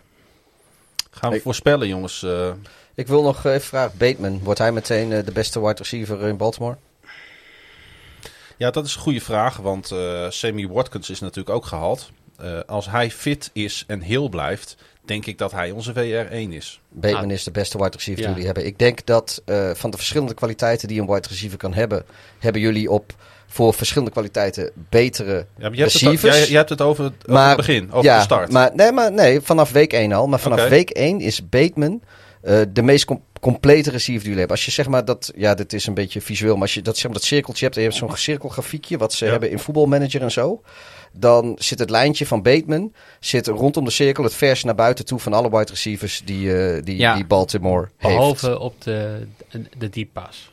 Daar is Sammy Watkins gewoon echt eh, veel beter. Maar Ja, Sammy goed, Watkins dat heeft- is, dat is een bepaalde playcall en een bepaalde. Weet je, dan kan ze- Watkins sowieso. Heb je Ja. daar, eh, kan hij daar heel mooi complementair zijn. Het is sowieso een vrij dunne pagina in het playbook van de Ravens. Dus eh, Nou, misschien kan er nu wat worden, weet je.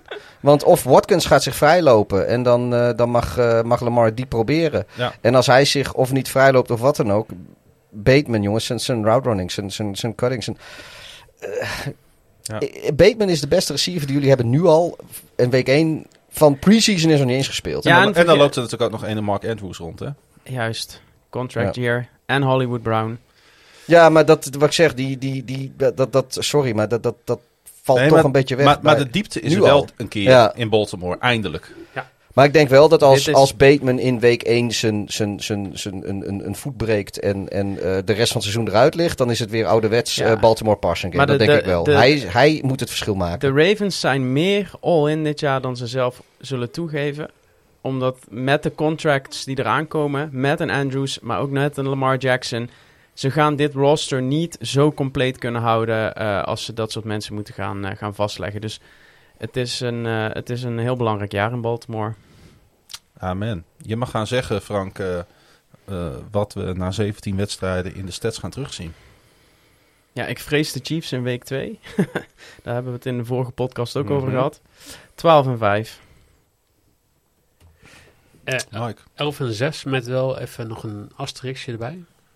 Ik maak me zorgen over Lamar Jackson bij deze organisatie en hoe die zich gedragen heeft deze offseason. Voor mij heb je daar aardig wat tijd aan bespendeerd de Ja. afgelopen weken. En ik vraag me af of dat goed gaat. En heb je het dan over zijn off-field eh, tripjes of heb je het dan ook over COVID? Beide. Oké. En, en vooral de opmerking van de organisatie toen gevraagd werd, heeft hij, is hij nou gevaccineerd? En dat ze zeiden, het is een private matter. Dat zegt ook iets over de relatie tussen Lamar Jackson en de organisatie. En daar maak ik me wel zorgen over, dat je op een gegeven moment wel, dat, dat je niet iemand he- hebt het hele seizoen die zich 100% gefocust, eh, die 100% gefocust is op, op voetbal. Ja, dat, dat vraag ik me. Ik vraag me af of dat eh, eh, het gevolg is van. Want als die jongen op het veld staat, dan heb ik niet het idee dat hij ooit minder dan 100% geeft. En maar daarom juist. Dus al, als hij dat geeft, dan is, is Baltimore met eh 11 en 6 Hij staat genoteerd, je Asterix. Maak zich zorgen over Dank- Lamar. Jackson. Maar dat, dan, is, dan is het heel duidelijk. En dan is het net zoals met de Chiefs. Dan ben je al zeker van de playoffs. En dan Ja. moet je gaan focussen op die, die drie, vier wedstrijden die daar zijn. Ja. Hoe je daar komt. Nee, maar ik, ik vind het op zich wel een goeie. Want we hebben in het. Kijk, we hebben het vorige. Wat is het, anderhalf week geleden of zo? hebben we het even gehad over dat gemier. met dat hij, eh, dat hij eh, op, op, op beton aan het, eh, aan het spelen was. en dat daar commentaar op kwam. En, Ja. en op, wij vonden het allemaal. eh, allebei zijn charme hebben. En dat vind ik ook inderdaad nog steeds. We hebben het in, langer geleden inderdaad gehad over zijn, over zijn COVID-verhaal. Het punt is. eh, het is gelukkig niet zo'n shitshow als bij de Vikings eh, met hun startende quarterback. Maar je startende quarterback, dat is wel echt eh, het gezicht van je franchise. Ja. Mhm. Ik bedoel, ja, sowieso sinds Ray Lewis daar niet meer speelt natuurlijk. Maar eh, in principe is je startende quarterback, weet je. En op dit moment is Lamar Jackson, die is gewoon het gezicht van de franchise. En je wil eigenlijk, eh, eh, denk ik wel, eh, dat hij een eenduidige boodschap naar buiten brengt. Dat hij, dat ergens voor staat. Dat het duidelijk is dat er geen, geen grijze gebieden, geen vraagtekens, geen gem- dat, dat soort gemieren. Dus in die zin, ja, ik, ik vind wel dat je Ja. daar een punt hebt. En het is geen knock on, on Jackson in die zin, want het is ook maar gewoon een mens die recht heeft op zijn eigen mening. Maar eh, ik, ik denk inderdaad wel dat het voor de Ravens goed zou zijn. En ik zou het voor zelf ook heel mooi vinden voor eh, Jackson en iedereen. Als hij gewoon ergens de komende weken zegt van luister jongens, ik Ja. heb gewoon laten vaccineren en doen jullie dat ook. En eh, fuck dat, vanaf nu gaat het gewoon over voetbal en ik ben erbij. En de, en de asterisk ook dat ze hebben geen ervaren backup. Met Huntley en McSorley hebben ze twee best wel capabele eh, spelers. Eh, Huntley lijkt heel veel op Lamar. McSorley. Maar ze hebben allebei laten zien, je gaat er geen games mee winnen vorig Nee, seizoen. en, en Dus het, als Lamar niet fit blijft, maar het hele dan- playbook dan is is, het een- natuurlijk ook ja, een dan is beetje, beetje ingericht op, op de unieke talenten Ja. die Lamar heeft. Dus, dus En die zijn niet vervangbaar. Die zijn niet vervangbaar met een Wilson. Nee. Die zijn niet vervangbaar met nee, met een eh, RG3 ging dat redelijk. Ja, hebben ze er zelfs nog een keer 2004 van... Michael Vick. zou ja, je wou kunnen ik zeggen, Hebben ze- pri- hebben Prime Vic, de Prime Ste- Cam, weet je, daar Ja, maar misschien met, nog een eind. met RG3 hebben ze gewoon nog van het eerste elftal van de Steelers gewonnen twee jaar geleden. Waarom? Die kan het playbook nog net genoeg nabootsen. Om, of twee jaar geleden kon hij het nog net genoeg nabootsen om er dan een, een, een W uit te halen. Maar met die jonge quarterbacks die ze nu hebben, dat is allemaal leuk en aardig misschien voor de toekomst. Maar als Lamar wegvalt, dan is het klaar.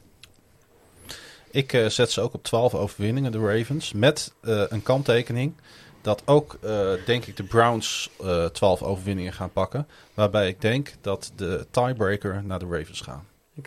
Zo. Dat is wel heel gedetailleerd. Oké, dan zet ik Het is jou... toch niet zo eh, raar dat die teams Nee, nee, nee, maar dan zet, ik, dan zet, Nee, ik jou, zeker, eh, ja. zet ik jouw asterix straks bij je Browns voorspelling. Want dan is voor mij een administratie makkelijker. Ik zeg ook 12-5, die stond al. eh, ehm, dus ja. Gaan we naar de Cincinnati Bengals. En eh, ja, eh, in een perfecte wereld, met een eh, perfecte Bengals, zou Joe Burrow een eh, rookie seizoen achter de rug hebben met rookie records. Een sterk einde en dus een second year leap. De realiteit is echter anders. In week 11 van het afgelopen seizoen kreeg Burrow een flinke knieblessure, terwijl de upside in de lucht hing. Het lijkt erop dat Burrow voorloopt op zijn herstelschema en gewoon week 1 starter is. Eigenlijk was er één duidelijke opdracht tijdens offseason. De O-line herinrichten met kwaliteit. Dat gebeurde niet echt. Wel tekenden ze veteran tackle Riley Reeve. En ze draften natuurlijk Jackson Carmen in de tweede ronde. En drie projected starters keren terug. De echte grote move kwam op wide receiver. Waar Cincinnati hun vijfde pick overall spendeerde aan Burrow's LSU-teamgenoot Jamar Chase. Defensief wisselden de Bengals William Jackson in voor Awuzie en Carl Lawson voor Hendrickson. Het team voegde ook defensive tackle Larry Ogunjobi en slotcorner Mike Hilton toe. Ideaal, zijn de omstandigheden nog niet in Cincy, die in twee seizoenen 6-25-1 zijn onder Zack Taylor. Het zou onrealistisch zijn dat de Bengals een playoff contender zijn. Maar het is wel het jaar voor Taylor om te laten zien dat ze capabel zijn om richting winning season te, te gaan. Dan moet Burrow wel heel blijven.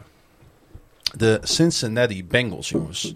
Eh, ik denk wel voor het eerst, eh, net in jaren, net als vorig jaar, een team wat weer leuk is om naar te kijken. Ik eh, sowieso, wat, wat de Bengals denk ik zo leuk maakt, is dat zij. Wat is eh, er, eh, Mike? de, de Bengals zijn de Klaas-Jan van de AFC North. Leuk om naar te kijken. Leuk om Nee. te kijken. De vijfde ronde van deze NFL-draft hebben ze een kikker gedraft. Oh, Oh ja, dat... Ja. dan ben je wel... En ja. jij weet precies wie Ja. het is. Nee, dat is niet waar. Oh? Het is, eh, eh, hoe heet hij? Evan McPherson van de Gators. Oh ja. Dat verbaast mij. Dat verbaast me nog meer dan de Jaguars, die ooit een kikker in de... Nee, een punter in de derde ronde kozen, toch? Volgens eh, de overlevering eh, was, eh, was eh, McPherson de, de beste kicker in de draft. Maar er zit wel een kleine nuance bij, die moet ik wel zeggen. Eh, als ik, ze hadden een pick in de eerste ronde, in de tweede ronde, in de derde ronde. Dan vierde ronde, vierde ronde, vierde ronde. En toen vijfde ronde. Dus ze hebben wel in de vijfde ronde een kikker gedraft. Maar het was hun zevende pick in de hele draft. Maar goed, ik, ik wou dit even gemeld hebben. Vijfde ronde kikker draften. De Bengals zijn de Klaas-Jan van de AFC North. Dankjewel. Vind de Cincinnati Bengals echt leuk om naar te kijken? Nou, ik vond vorig jaar, tot het moment dat eh, Joe Burrow geblesseerd raakte, vond ik het leuker om naar te kijken dan de jaren daarvoor. En? Ondanks dat hij eh, iedere play moest rennen voor zijn leven Dat, natuurlijk. ja. Ja. En ze winnen ieder jaar één keer van de Steelers. Dat is ook altijd wel fijn. Ja, gaat dat, trouwens, vind ik minder leuk trouwens, want... Voor wat het waard is. Ik bedoel, het is op dit moment eh 7 augustus. En eh preseason moet nog beginnen. Nee, het is eh, al, al, al, al wel 13 augustus hoor, Pieter. en preseason is al begonnen, want Ja. de Oh ja, is al jaar. geweest. Nee, goed. Nee, maar we hebben... eh, eh, ja, weet je, wij, wij zijn tijdreizigers. Dit shit loopt van alle kanten door elkaar. En... eh, Hallo, je spreekt de toekomst. Maar eh, het punt is dat eh, tot op dit moment eh, is wel alle geluiden die je hoort van iedereen die een beetje zit te kijken naar hoe dat gaat eh, in de voorbereiding van, van de Bengals. Burrow is niet de Burrow van vorig jaar. Burrow is, is nog niet de oude. Burrow is bang. Terwijl de, dat was hij al voordat de pads aankwamen in de training. Hij is niet accuraat. Hij is niet snel in zijn release. Er zit geen zip op de bal. Hij lijkt in geen enkel opzicht op een eerste ronde pick. Ik, ik heb geen beelden gezien. Ik ben uiteraard zelf niet bij eh, Bengals training camp geweest. Maar dat zijn de geluiden die ik hoor. En dat baart me wel een beetje zorgen. Nu weet ik niet of hij nog niet helemaal fit is. Of dat hij bang is achter die lijn. Ja, of Maar- een combinatie van. Of een combinatie van. Maar eh, ik vond het wel een dingetje toen ik dat, dat las. En eh, Ja. dat, dat hoorde. Ik ben ook bang dat Burrow dadelijk zo'n verhaal wordt van wat als. En dat... dat Een soort RG3, zeg maar. Alleen ja, nee, dan... ja. Het, het, het, zou zomaar, eh, het zou zomaar kunnen. Ik bedoel, de- als, ik, als ik kijk naar wat de Bengals dit jaar gedaan hebben... dan zie je zo dat hun hele as komt terug van blessures. Dat is zowel Mixon als Joe Burrow als eh, Trey Hopkins, de center. Die had ook een torn ACL. Ja, dan heb je, dan, dan heb je toch wel een hele risicovolle offense staan... met, met heel veel vraagtekens. En ze hebben, daar, ze hebben daar in de draft... Ja, ze hebben Lamar Chase gepakt in de eerste ronde. Ja, en dat was Sewell. 100% is dat in overleg met Joe Burrow gegaan. Dat is geen toeval dat ze een Louisiana wide receiver hebben gepakt. Die heel lekker met, met, met Burrow. Dus eh, Burrow zal ongetwijfeld eh, daar blij mee zijn. Ja. Maar eh, nog even weer terug naar de discussie die we eerder hadden over Wilson, Rodgers eh, eh, eh, en Deshaun Watson. En hij heeft Moet je, je, je moet je quarterback wel tevreden houden, maar moet je zijn technische beleid laten doen? Want eh, Nou ja, de- eh, in, in Houston en in Green Bay mag het niet, maar de rookie in eh, Cincinnati mag het blijkbaar wel. Ja, en niet alleen dat. Ik heb, eh, ik heb eerder, er was volgens mij dan de, de vorige uitzending over de Chiefs gezegd dat zij de anti-Bengals waren wat betreft de problemen op de O-line adresseren. De Bengals hebben, vind ik, geen reet gedaan om een O-line beter te maken. Nee, maar En ze, ze hadden niet zo agressief hoeven zijn als de Chiefs, want die hebben echt absoluut next level. Want dat was hun enige ontbrekende stukje om weer 100% contender te zijn. Maar de, de Bengals beschermen hun quarterback op, niet. ze hebben op Riley Reef na ben ik absoluut underwhelmed van hun O-line. En ze hebben natuurlijk wel in de tweede ronde hebben ze nog eh, van, van Clemson eh, Carmen gepakt. maar hadden ze nou... hadden ze nou nee, gaat, maar je hadden, gaat niet met de draft ga je niet O-line oplossen. Nee, maar hij gaat wel starten. nee, Ja. maar stel, stel ze hadden Dat. Sewell en Carmen gehaald. Dan had je een heel ander signaal Of ze, hadden, ze- ja, of, of ze hadden Sewell gehaald in ronde 1 en in, en in ronde 2 voor een wide receiver gaan. Had je niet Precies. Jamar Chase gehad. Maar het was qua wide receivers was het een hele diepe draftklass. hè? Ja. Oké, Ja. qua O-line ook. Maar goed, eh, eh, ik, de- ik, ik denk dat er qua O-line talent een sterkere drop-off was ik heb dan ook gewoon- qua... eh, heel sterk Receivers. met, ik heb ook gewoon heel sterk mijn twijfels of, of Zack Taylor de man is voor, de, voor deze Bengals franchise. Hij gaat nu in zijn derde jaar in, denk ik. Hij won toen zijn allereerste wedstrijd bijna in Seattle. En toen leek er ergens een spark in dat elftal te zitten en wat te gebeuren. Maar ik heb hier ook het idee dat dit, dit een soort dead-end street is. Waar, waar die Bengals niet binnen nu en een paar jaar heel competitive eh, uit gaan komen. En ik vraag me wel af of hij de man is die, die dat gaat veranderen. Ja, tot zijn blessure was hij echt eh, on, on, on schedule Ja. om gewoon een top rookie seizoen te draaien. Ja.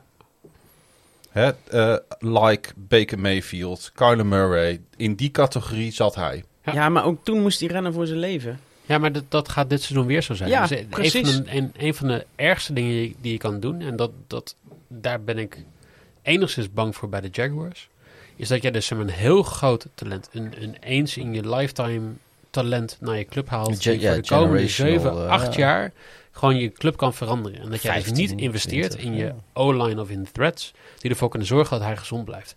En dat, dat geldt niet alleen voor de quarterback, maar dat geldt ook voor Mixon.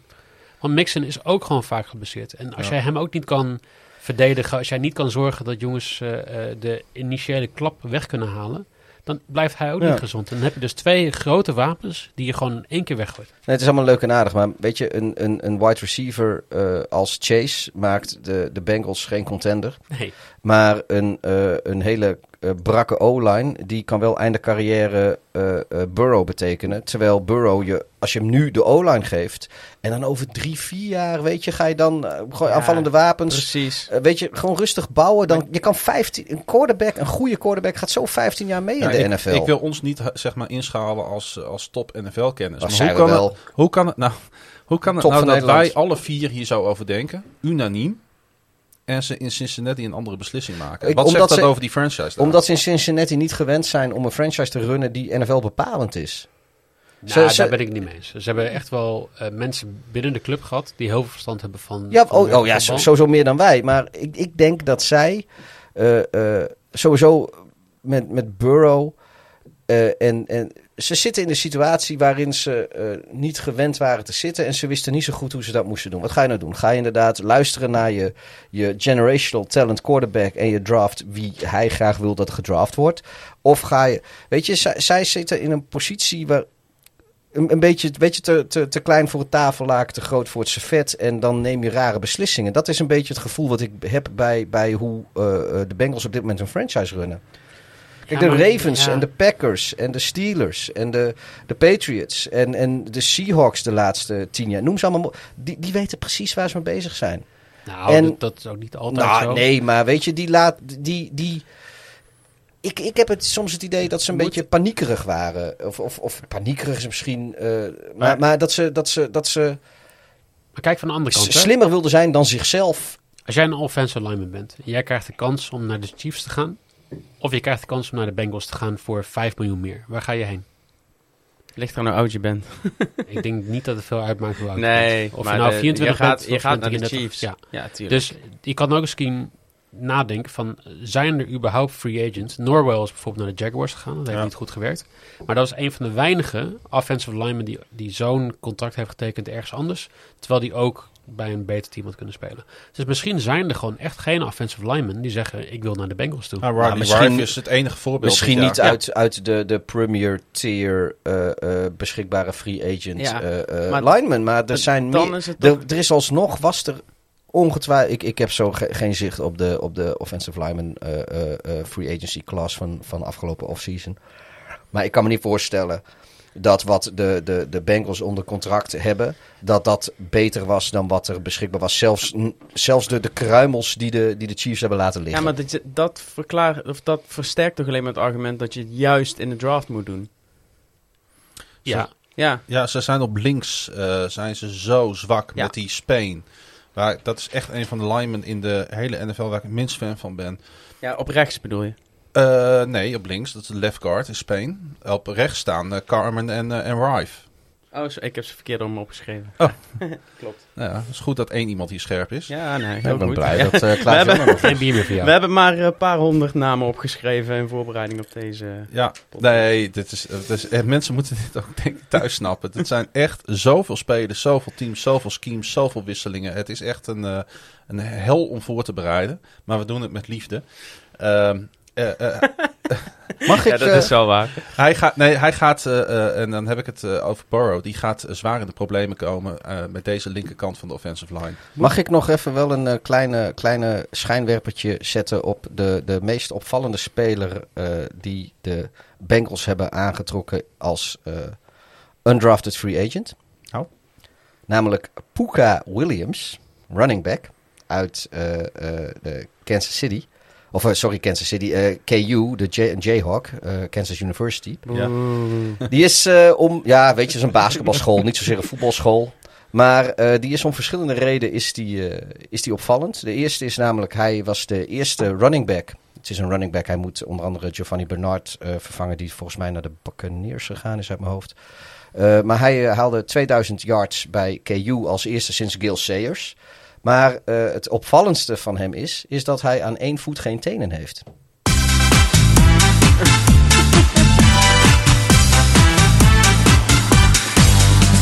En daarom is hij de biertopper van de week. Week, week, week, week. Pa, pa, pa,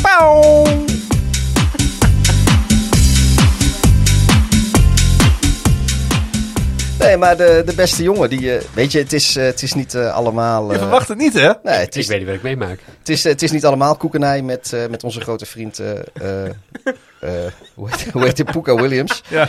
Eh, maar, Oh, jongens. Want Oh. hij, hij is serieus, het is best een getalenteerde running back, maar hij is, eh, hij is niet gedraft. En dat had vooral te maken met wat off-the-field issues, namelijk eh, wat eh, domestic battery en, en violence en dat soort dingen. Will, jaar geleden. Hij, hij, Ja. hij heeft ze, hij heeft ze, dat is niet om te lachen. Hij heeft zijn Nee. vriendin heeft hij geslagen. En dat wordt over het algemeen niet, niet, niet gewaardeerd. Ja. Soms, eh, ja. Maar ik, eh, ik, vo- voordat, eh, voordat er bier, biertoppertje... ik, waarom mocht die biertopper? nou, voordat hij, omdat hij geen tenen heeft. Hij mist een teen, man. Hij is, nee, niet één teen, hij mist er vijf. Vijf, Hij mist maar gewoon hoe- een halve Sorry, dat bedoel ik. heeft Ja, dat ga ik nu vertellen. Dat ga ik allemaal ah, vertellen. Wees Wat, rustig, wat, wees wat rustig. JPP mist aan zijn handen, mist hij Ja, maar dat was vuurwerk. Ja, dit was geen vuurwerk, dit was een grasmaaier. Ah, Daarnaast hij is hij ook de eh, Who's That Man eh, van deze uitzending. uitzending. we hebben er Ja. toch al een Ja, gehad. dat nee. hebben we gehad, we hebben er gewoon nog één. Nee, maar eh, hij heeft ergens toen hij een jaar of negen was, eh, is hij is die met zijn voet onder een grasmaaier doorgekomen. Of een grasmaaier is over zijn voet heen gekomen. En dat heeft hem alle tenen gekost. En Daarom moet je altijd je tuin betegelen. ja, Ja, Klaas. dan kun je tenminste gewoon op slippers blijven lopen. Of gewoon niet grasmaaien, hè, Klaas? Ja, dat lukt hier heel goed. maar ja, wat, we zitten hier op zolder en, en, de, en de grassprieten die hangen tegen elkaar zijn. Nee, maar ik goed, een die, serieuze vraag. ja? Hoe koopt deze man in godsnaam schoenen? Eh, Nou, eh, vanaf nu laat hij zich maken. Maar ik denk dat hij gewoon een één voet een normale schoen heeft. En de andere voet heeft hij denk ik zo'n klompschoentje. Nou, Of gewoon, zeg maar, gewoon zeggen, nou, ik wil graag deze Nike Air Max. Eentje maat 48, eentje maat 42. Ik denk dat hij ze gewoon via internet bestelt. Want dan heb je altijd die kartonnetjes ervoor in zitten. En dan in zijn ene schoen laat hij het kartonnetje zitten. En die andere haalt hij hem er wel uit. maar goed, eh, nee, even Oh, zo- nee, maar het is natuurlijk best bijzonder dat, eh, dat je... eh, want serieus, als hij zeg maar zijn domestic violence ellende niet gehad had... was hij gewoon als running back gedraft geweest. Afgelopen draft. En nou, op, op zich voor iemand zonder tenen, running back. En het schijnt, hij schijnt ook serieus heel, hele goede cuts te kunnen maken. heel heel wendbaar te zijn. Ja, beide. Nee, alle kanten op. maar- ja, nee, alle, alle kanten op. Hij is verschrikkelijk snel. En eh, even zonder gekheid, weet je, als, als, als zijn, zijn off-the-field issues, als dat niet, zich niet doorvertaalt in zijn NFL-carrière, kan dit eh, voor de komende jaren nog best interessant worden. En dat meen ik serieus. Ik kan het niet. Oh. Wat? Ja, niks. Dit... Nou, ik moet, moet, gaan we dit er dan allemaal uitknippen? Weet je, Nee, is dit niet naar jouw niet. niveau? Ik zit Nee, verdomme een beetje research te doen. Ik vind het heel mooi, ja. Puka Williams, jongens, running back van de, van de Cincinnati Bengals, undrafted Die free gaan we agent. volgen. Vijf tenen aan beide voeten. Ik heb een foto Cumulatief. gemaakt van dit moment. Oh, ik dacht één voet. Ik zal hem niet Nee, vergeten. hij heeft cumulatief over twee voeten heeft hij vijf tenen. En omdat er één voet is compleet en die andere heeft niks. Ja, precies. maar Oké, cumulatief zou zeggen dat hij gewoon drie aan één... eh, aan Ja, dat- eh, Oh jongens, het, eh, Goed. Het is al laat. Jongens, we moeten ook nog even naar de defensie van de Bengals kijken. Want die waren... Kijk, eh, die aanval... ja, ik probeer hier gewoon een uitzending eh, aan, te leiden. hè. Ja, we- weet je, we halen, we halen een paar mensen uit het zuiden en iedereen doet net of het een grapje is hier. Het, oh, het verre Zwolle oosten. zuiden. Ja, nee, Zwolle is ten opzichte van Groningen ook gewoon het Zeker. Het zuiden. verre Ja, oosten. er gaat niks boven Groningen. Dat Ja. betekent niet dat alles het zuiden is. Jongen, Haren is nog het zuiden voor ons. We hebben wel carnaval, dus op zich, in die zin... Ja, dat spreekt ook niet voor jullie. Nee. Nee. Maar eh, de defensie van de Bengals... eh, kijk, die aanval... eh, Bellingwolde, dat is het oosten. Die aanval...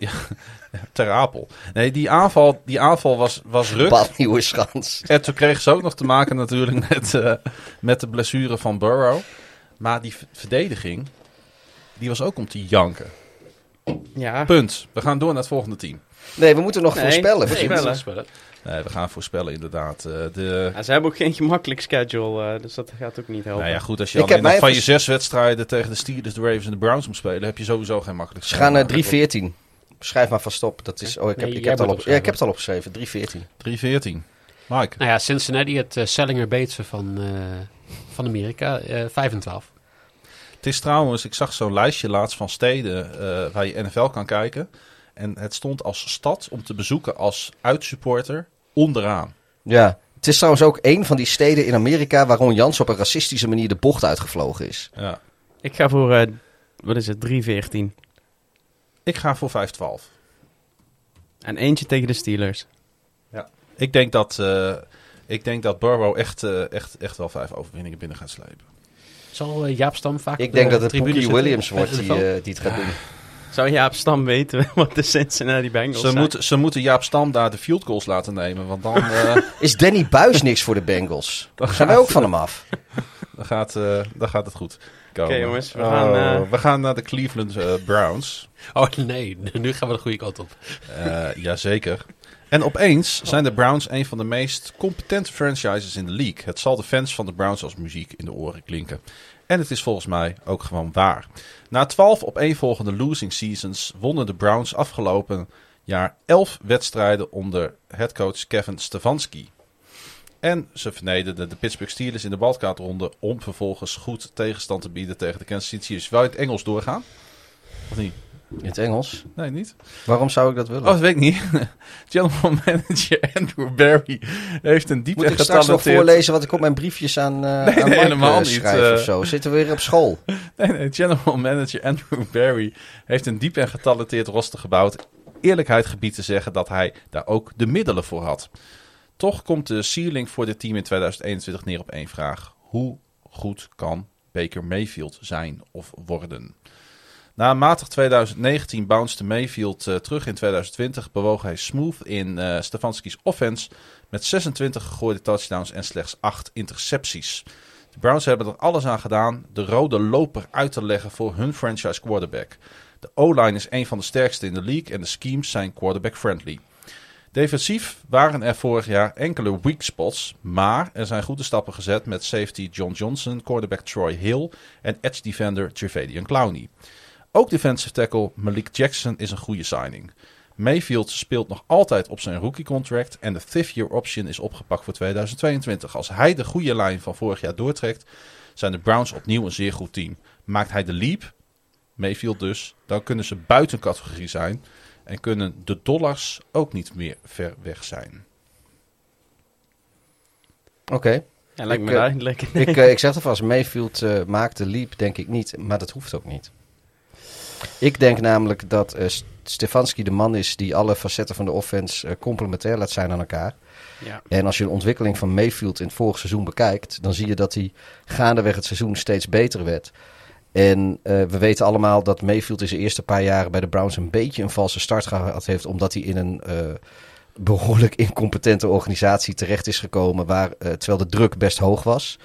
Hij ging daar, vond ik nog steeds best goed mee om, maar ik denk dat, dat eh, eh, Mayfield hoeft alleen maar een hele goede, een goede quarterback te zijn. Ja. En dat is hij al om eh, de Browns een absoluut powerhouse te laten zijn met het talent wat ze hebben. En dat komt vooral door Stefanski, met hoe hij inderdaad quarterback vriendelijk schemt. Ja. Ja, jij vindt dat ik onzin praat, hoor ik. Powerhouse en Cleveland in dezelfde zin. Dat is Ja, nee, nee. Jets en playoffs zeggen in dezelfde zin. Ja, weet je, ja nou goed, de Jets hebben in 2011 de playoffs gespeeld. Maar eh, 2010.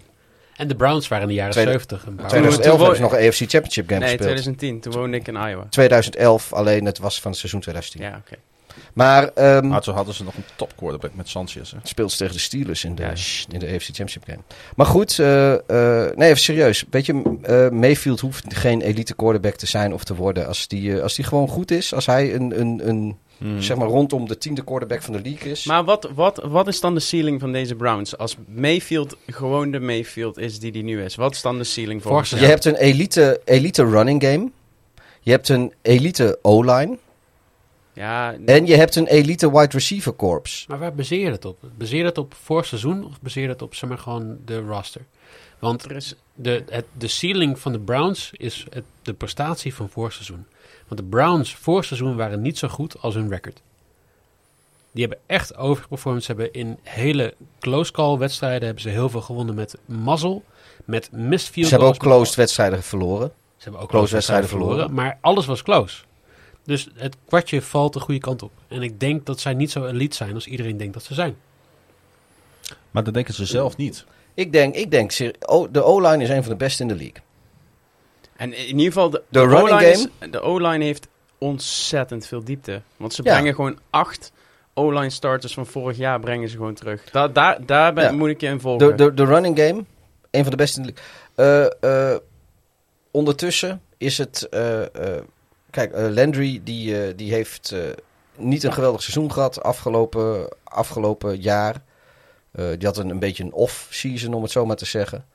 Een, een hele lange off-day.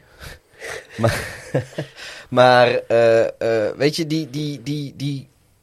Ja, ik denk dat hij beter terugkomt. Odell Beckham, die... eh, die Ik weet niet precies waarom, want eh, Mayfield onder pressure is een van de allerslechtste quarterbacks in de league. Dat, ja. Ja, maar Ja. Dat, dat zal allemaal best. Maar als jij gewoon een hele goede O-line hebt en je hebt Landry en, en Beckham eh, om, om je ballen te vangen en vrij te lopen, die dat heus gaan kunnen. Ja, nee, is goed, weet je. Hoef Zijn niet met er, elkaar is, te is, zijn. is het duidelijk hoe OBJ ervoor staat? Ik heb daar niks van. de geluiden zijn en weet je voor wat het waard is, want de fase waarin we zijn, ik Maar mag niet zeggen welke fit. datum is, maar hallo, hier spreekt de toekomst weer.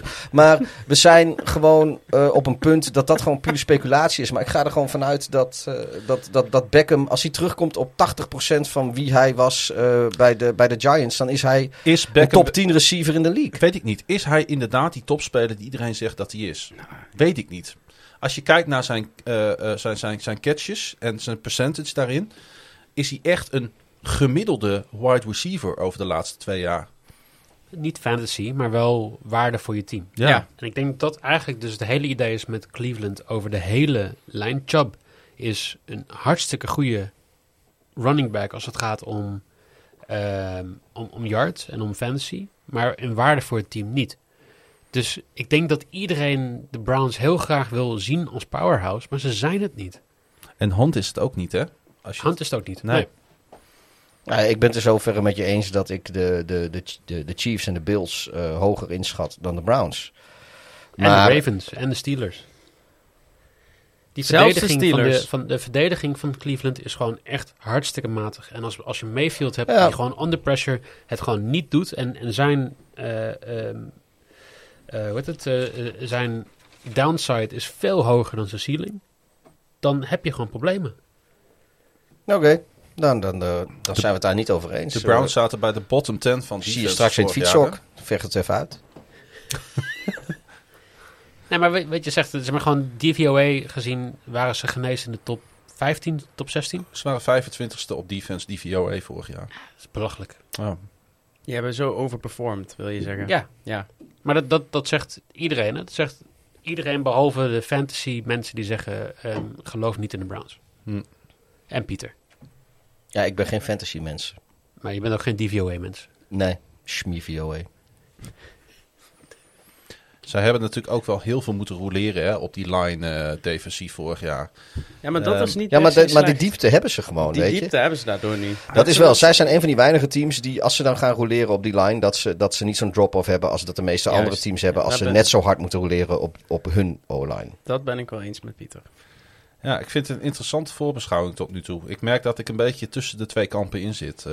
Ja. aan de ene kant voel ik ergens wel dat er iets aan het ontstaan is in eh, Cleveland. Ik ben fan van Stefanski, ik ben fan van zijn schemes, ik ben fan van hoe hij de pers te woord staat, fan van hoe hij met spelers omgaat, hoe hij de hele COVID shitzooi daar heeft ge- gemanaged. Ja. Ongelooflijk fijn persoon. Ik denk, dat- ik denk dat ze in, in, in 20 jaar niet zo iemand in Cleveland eh, hebben gehad. Ik denk dat dit, eh, En aan de zeg andere maar, kant- sinds, sinds de, de, Browns, de Browns zijn, zeg maar, de huidige iteratie van de Browns, Ja. is dit het, het beste en het stabielste en eh, wat ze geweest zijn. Ja, Ja. klopt. De laatste keer dat ze hier was bij ook in de niet heel veel voor nodig trouwens. Ja, dat is niet echt een hot Nee, take, nee, nee, nee oké, nee, maar de laatste keer dat ze hier in de buurt kwamen, hadden ze Bill Belichick nog en, eh, Ja, en, is, en, en eh, bestonden de Ravens nog niet. 95, ja. Ja. Voor alle dumpster fires die er ooit zijn geweest... is het de eerste die niet in de fik stond, zeg maar. Ja, nee, dat, Ja. dat is Nou, waar. de- ze hebben nog gewoon goed geblust. Ja, en ik vind ze defensief op enkele posities ongelooflijk sterk. Ik denk, Miles Garrett hoeft het niet eens over te hebben. Dat snapt iedereen wel, dat dat natuurlijk een topspeler Ja. in je team is. En ik denk dat... eh, maar ja, ik vind Clowny, vind ik een vraagteken. Heeft hij nog steeds ruzie Ja? met die... eh, met die eh pilon, zeg maar, op de training? Met die, Zo, dat was grappig, hè? ik zat, ja,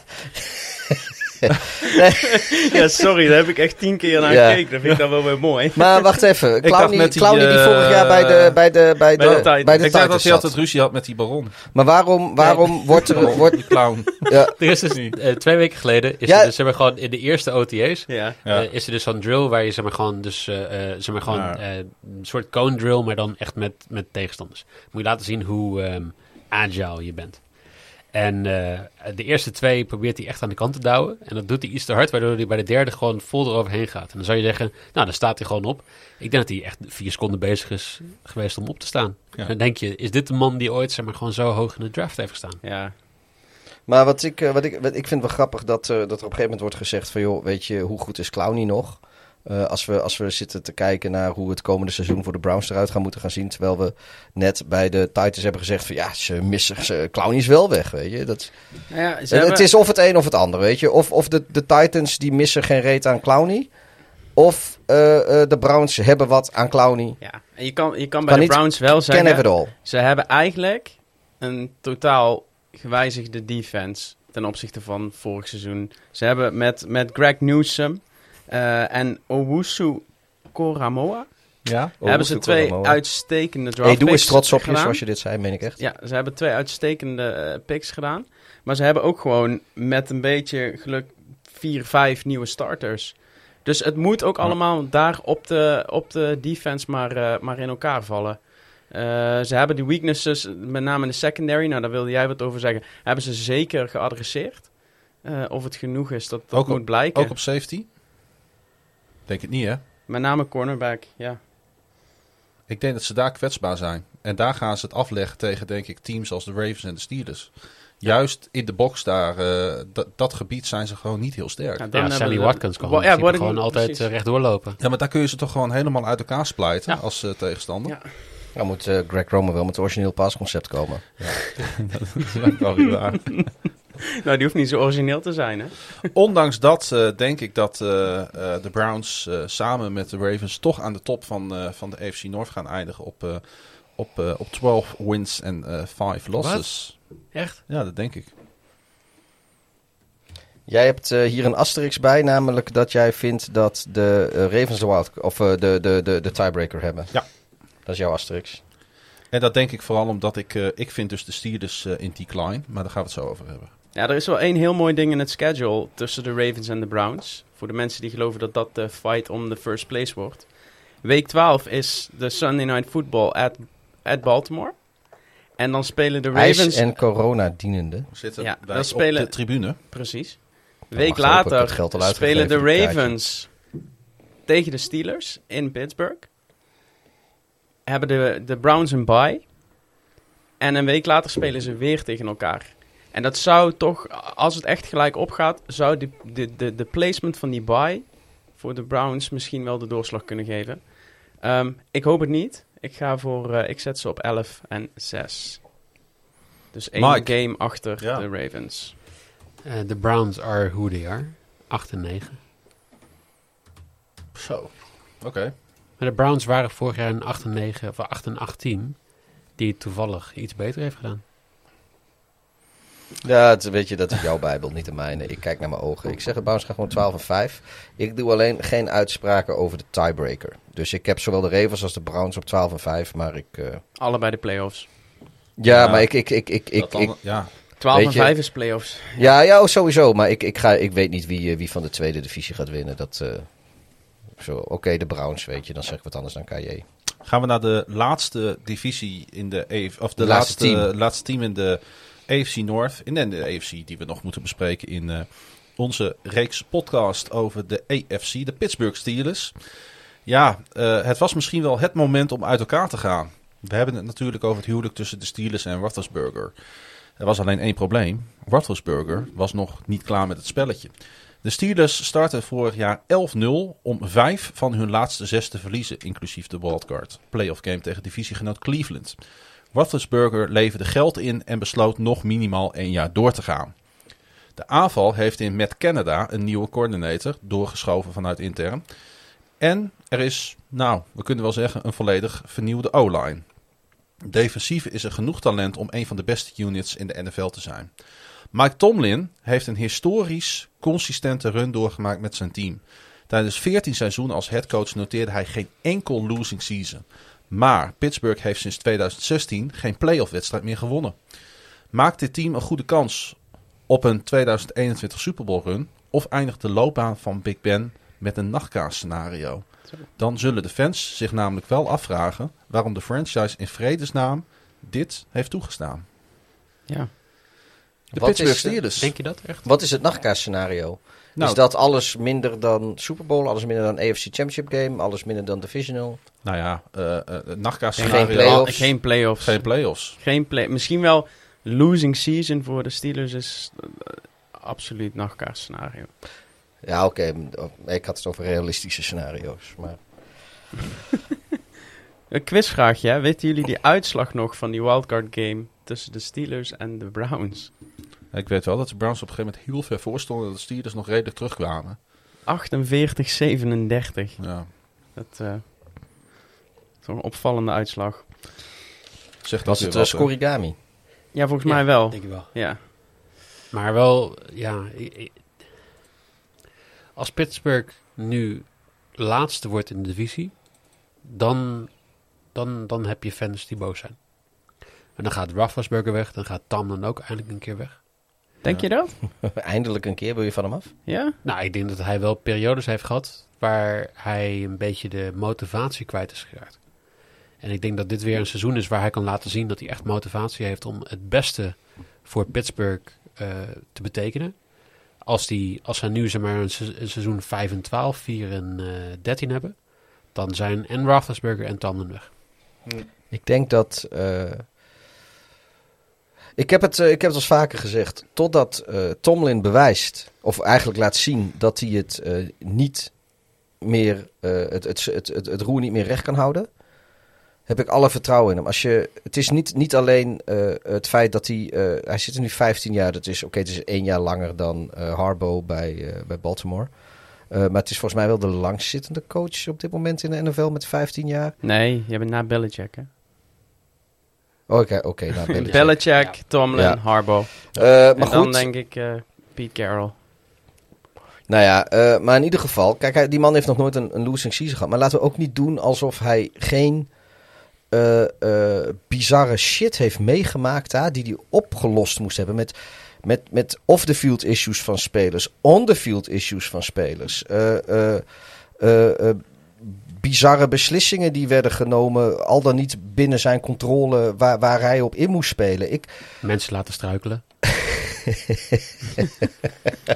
nee, maar, Jones.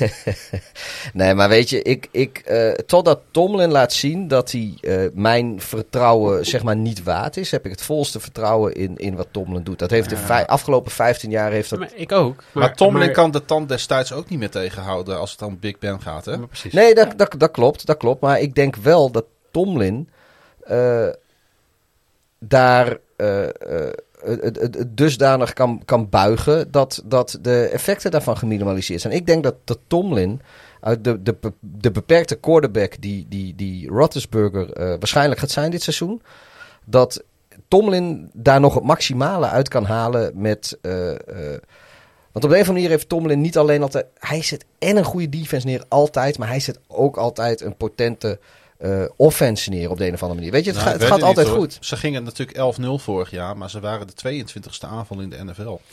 Ja, nou, maar oké, weet je, er, er was absoluut geen running game. Maar zoals, waar, zoals in Baltimore eh, eh, al, al hangt hun leven ervan af... in principe geen fatsoenlijke wide receiver kunnen vinden...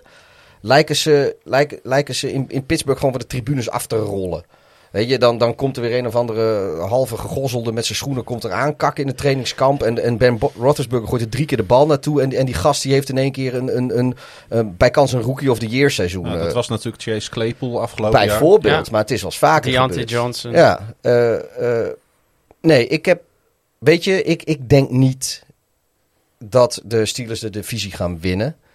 Ik denk wel dat de Steelers serieus eh, eh, partij gaan bieden met eh, wie er eh, achter, wie er, wie er eigenlijk de beoogde tweede plek gaat zijn in de, in de AFC North.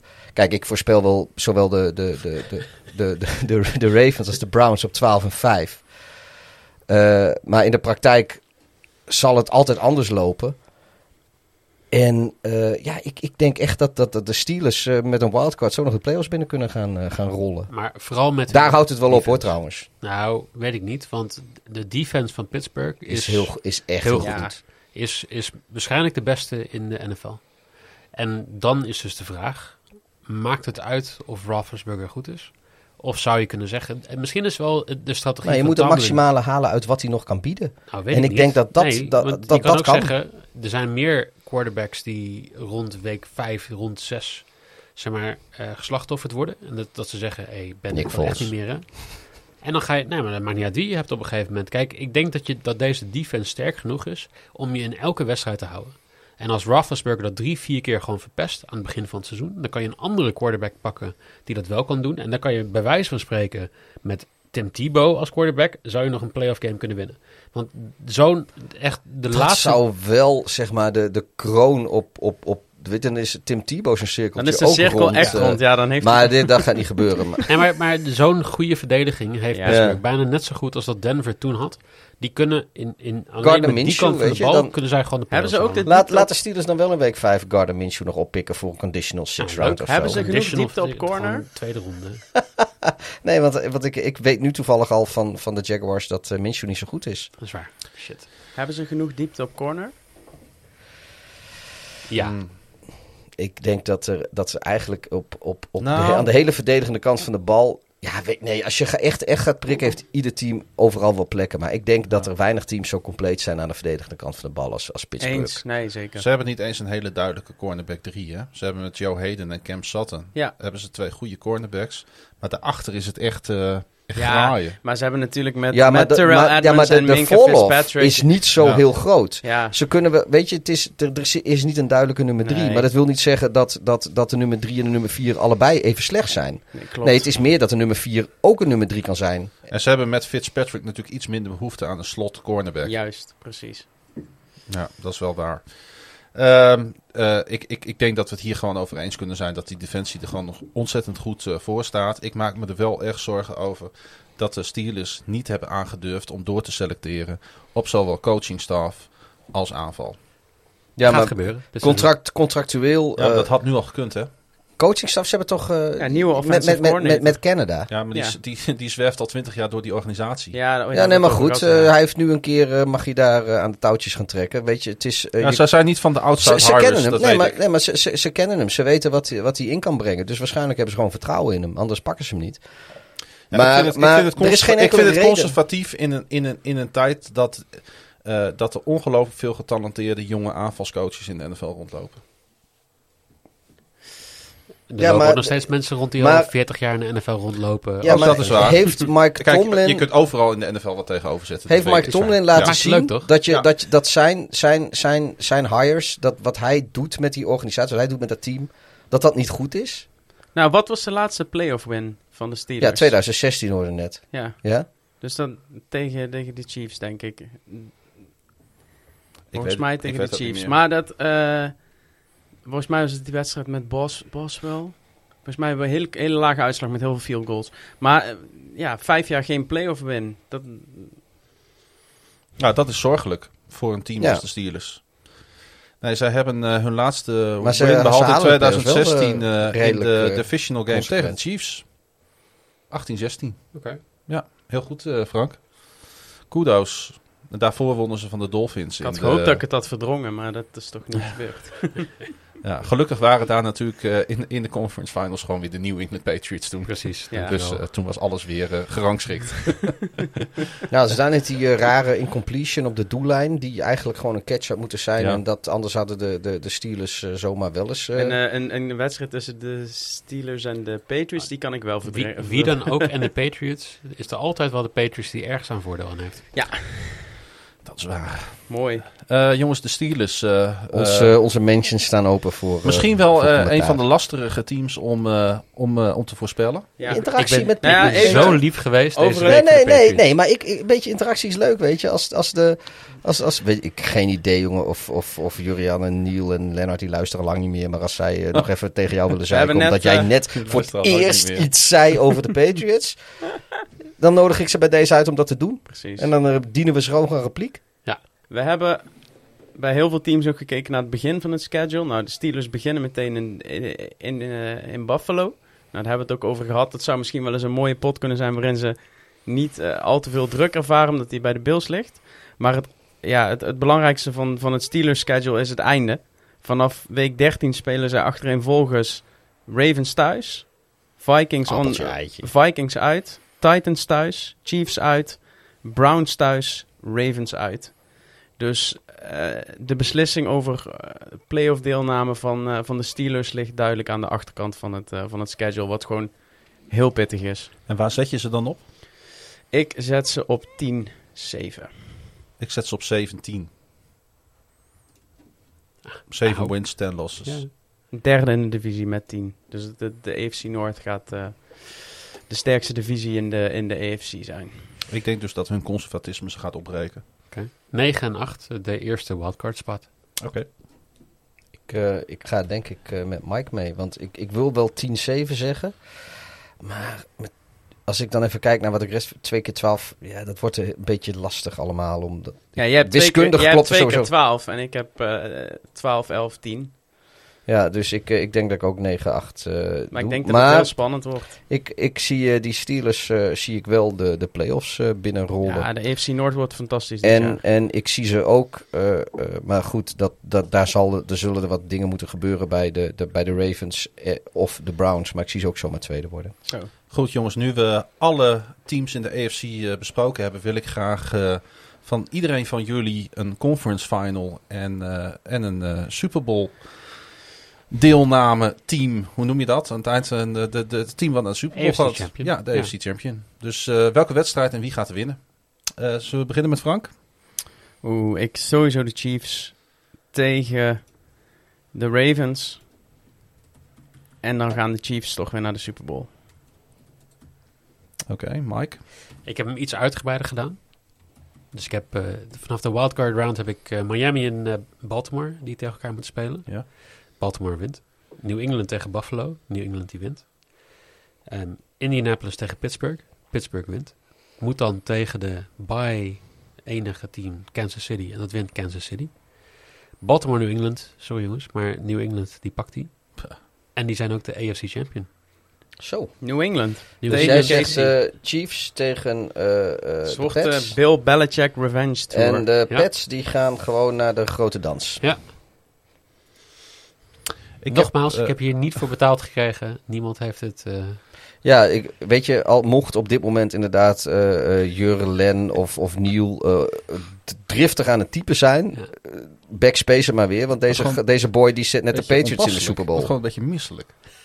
ik ik Ja. ben zelf ook een beetje misselijk. Maar ik, weet je, ik, ik kan op dit moment... Ik, weet je, het is ook een beetje... Het is te makkelijk om te zeggen Baltimore tegen Kansas City. Oké, ik voorspel een andere wedstrijd. Eh, ik, mijn eh, AFC Championship game gaat tussen de Buffalo Bills en de Baltimore Ravens. En ik zeg dat de Ravens naar de Super Bowl gaan. Nou weet je, laat ik gewoon de gedroomde AFC Championship game van vorig jaar eh, dit jaar gewoon voorspellen. Bills Browns. Ja. Browns gaan naar de Super Bowl. Fuck it, kan mij het schelen. Ik ga all in. Mooi. Hey, jongens, eh, we hebben de AFC eh, voorbeschouwd. Eh, Mike, hoe heb je het ervaren? Ja, hartstikke leuk leuk. om hier eh, te zijn? Is wat, eh, vind je ons ook niet de leukste podcast over de NFL van, van dit land? Eh, sowieso. En eh, nog minimaal drie weken. Nee, ehm, nee, weet je, ik vind het heel leuk. Het is, het is heel anders. Een hele andere ervaring om, eh, om zeg maar gewoon ook eh, iets langer een podcast op te nemen. Ja, dan eh, wat, eh, wat ik normaal gewend ben. Maar weet je, ja, ik, ik heb hierdoor wel heel veel, seizoen, heel veel zin gekregen in het seizoen. Het is een hele zware sportzomer geweest met EK, met de Olympische Spelen, met alles. Waardoor je wat weinig voorbereidingstijd krijgt voor de NFL. Ja. Maar ik heb nu, ik heb gewoon zin om ehm, ja, pre-season te kijken. En, ik moet ook heel eerlijk zeggen, ik eh, moet even kudo's geven aan de heren. Onze gasten, de manier waarop jullie je voorbereid hebben. Het is eh, onvoorstelbaar. Ik denk dat je er ook nog heel veel aan gaat hebben tijdens het seizoen. Ja, zeker. Maar jullie input tijdens deze podcast was, eh, was fantastisch. Eh, en ik, eh, ja, het is een podcast. We zijn een audiomedium, maar ik kan zien wat er allemaal getypt en opgeschreven is en eh, doorgelezen voor deze podcast. Ik, eh, ik wil je daar zeer voor bedanken. Jou natuurlijk ook, Frank. Graag En gedaan. natuurlijk een hele goede terugreis naar Tilburgse. Ja, via Zwolle, hè. Zeker. We gaan eerst naar het verre oosten en dan naar het diepe zuiden. En nu we het toch over Tilburg hebben, laten we ook nog even stilstaan bij eh, het NFL op woensdag event op 19 september in eh Poolcentrum voor Friends aan de Koestraat. De Koestraat, absoluut. De Koestraat in, eh, in Tilburg, op loopafstand van het eh, station. je kunt ook je auto daar, daar wel kwijt. En, Ik heb ook laden. oeh, geen idee joh. Ik heb toch Er zijn genoeg, eh, auto. genoeg laadpunten We gaan met de de trein. Oh ja. Maar, Maar ja, die is ook elektrisch. Mocht je nou zin, ja, mocht je nou, eh, zin hebben om daarheen te komen, vanaf drie uur 's middags gaan de deuren los. Gaan we, eh, ja, gaan we gezellig over de NFL kletsen. We gaan waarschijnlijk een quizje in elkaar draaien. We gaan ook een podcast opnemen, is het plan. En we gaan natuurlijk om zeven uur met elkaar voetbal ja, kijken. Dus week 2 is dat. Red Zone zal aanstaan, maar ook diverse losse wedstrijden. Er zijn genoeg schermen. Kom je ook, eh Frankie? Ik, eh, ja, ik, ik, het is een beetje ver voor mij, maar ik, eh, ik, ik, Ik zal proberen erbij te zijn. Ik geloof dat Klaas-Jan ook voornemens was te komen. Ja. En jij, eh, Mike? Ik, eh, ik ga eerst naar de KLM Dutch Open. En eh, misschien dat ik die, die- naar die kant op kom. Ja, mooi. Ik heb nog één vraag voor jou trouwens. Oh. Is er een sport die jij niet volgt? Eh, nee, niet echt. Nee, maar ook echt... Zelfs, Van, zelfs wat- alle wintersporten volg jij, ja? Wat vind je de stomste sport? Waarvan je zegt van nou weet je, dit is gewoon echt dom. Dat is gewoon echt heel dom. Zeg darten. Nee, ik dart zelf. Ja, maar dat is een hobby. Nee, maar ook, eh, weet je, ik vind, ik vind cricket vind ik prachtig. Ik vind pro kabaddi vind ik eh, prachtig. Misschien Dat was niet de vraag. hè? Vraag is wat je, wat je van je zegt van nou, stop hier maar mee. Weet je, Korfbal. kan echt niet. Korfbal. Ah. Je houdt niet van zesjes gooien? ben gewoon, ja, ik vind, eh, je moet wel tegenstand hebben. Je moet niet zeg maar gewoon een sport bedenken waar je elk jaar wereldkampioen kan worden. Oké. Ik heb nog één vraag voor jou, Pieter. Is de single al uit? De single wel, het album nog steeds niet. We zijn weer een paar dagen verder en eh, die vingers is aan de pols bij, eh bij Zeki. Nee. We kunnen er geen genoeg van krijgen. Ja, nou ja, wij, wij Nou gaan ja, hem eh, ik- op de terugweg wel even een paar keer draaien. repeat. Hij staat in mijn eh, 2021 lijstje, dus eh, Als we gaan even nummer. lekker naar Zack Miller luisteren in de, in de auto naar, eh, naar Zwolle. Heb jij nog een vraag voor mij, eh Klaas-Jan? Nee, ik heb zitten? geen vraag voor Heb jij jou. nog een vraag voor mij? Ik, eh, Nee, wil je dat nee even, even iemand anders nog Hoe, hoe was het om het niet over, eh, over, eh, over de Love Boat en de Bears te hebben vijf uur lang eh, in de afgelopen twee Geen enkel podcasts? probleem, jongen. Heeft, eh, heeft, heeft de boot al... Nee, we gaan, het, we gaan het er ook gewoon niet over hebben vandaag. natuurlijk. Nee, maar zit, zit Bortels ergens alweer? Of is hij gewoon echt nergens nu? Ik heb geen idee. Is het bij de Rams toch? Ik, het is NFC. Heb ik nog niet naar gekeken de afgelopen tien dagen. Even kijken. ik heb letterlijk alle nieuws over de NFC niet meer gelezen. Even kijken, wat doet de boot? De boot die zit op dit moment Zo. nou, nergens.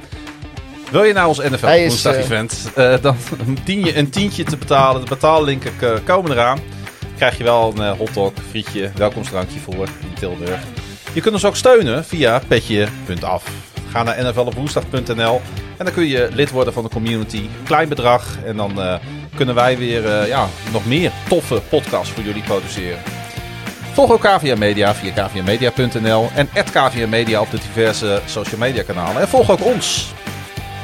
Pieter via, Darth laagstreepje Hideous. Frank via F laagstreepje metsenmakers. en Mike via. At Mike Feit. En eh, jouw podcast is te beluisteren. Op Apple en ehm, die andere. Hoe, Spotify. Hoe heet die? FC Betting. FC Betting. FC Betting. Ja, dankjewel. En eh, wie ben jij op Twitter? eh, Het Klaasje Grun, dat is dubbel A, dubbel S, dubbel. en hoe En, heet jouw podcast? en de felle woensdag. Ja, en ik maak ook nog de Woeso Radio. De. Woeso Radio. Over de Groningse basketbalclub Donar. Eh, Mocht je daarin geïnteresseerd zijn. Hey, eh, we gaan eh, verder eh, met de NFC. Binnenkort. Nee, nu toch? We gaan gewoon nu door. nog. We hebben, we, hebben, we hebben Frank en Mike hier nog zitten, joh. We gaan gewoon verder. Oké, let's go. Eagles, Giants. Wie gaat de NFC winnen, Mike? Eh, de New York Giants. Wat eh, zeg jij, Frankie? Wie gaat NFC Ja, daar ga winnen? ik helemaal in mee natuurlijk. Wie eh, zeg jij dat de NFC Ik gaat denk de winnen? New York Dat- Giants. Nou, dan, dan denk ik De dat Eagles. ook. Oh, Dit wel. was seizoen 2, aflevering 11 van NFL op woensdag. Beste mooi weer.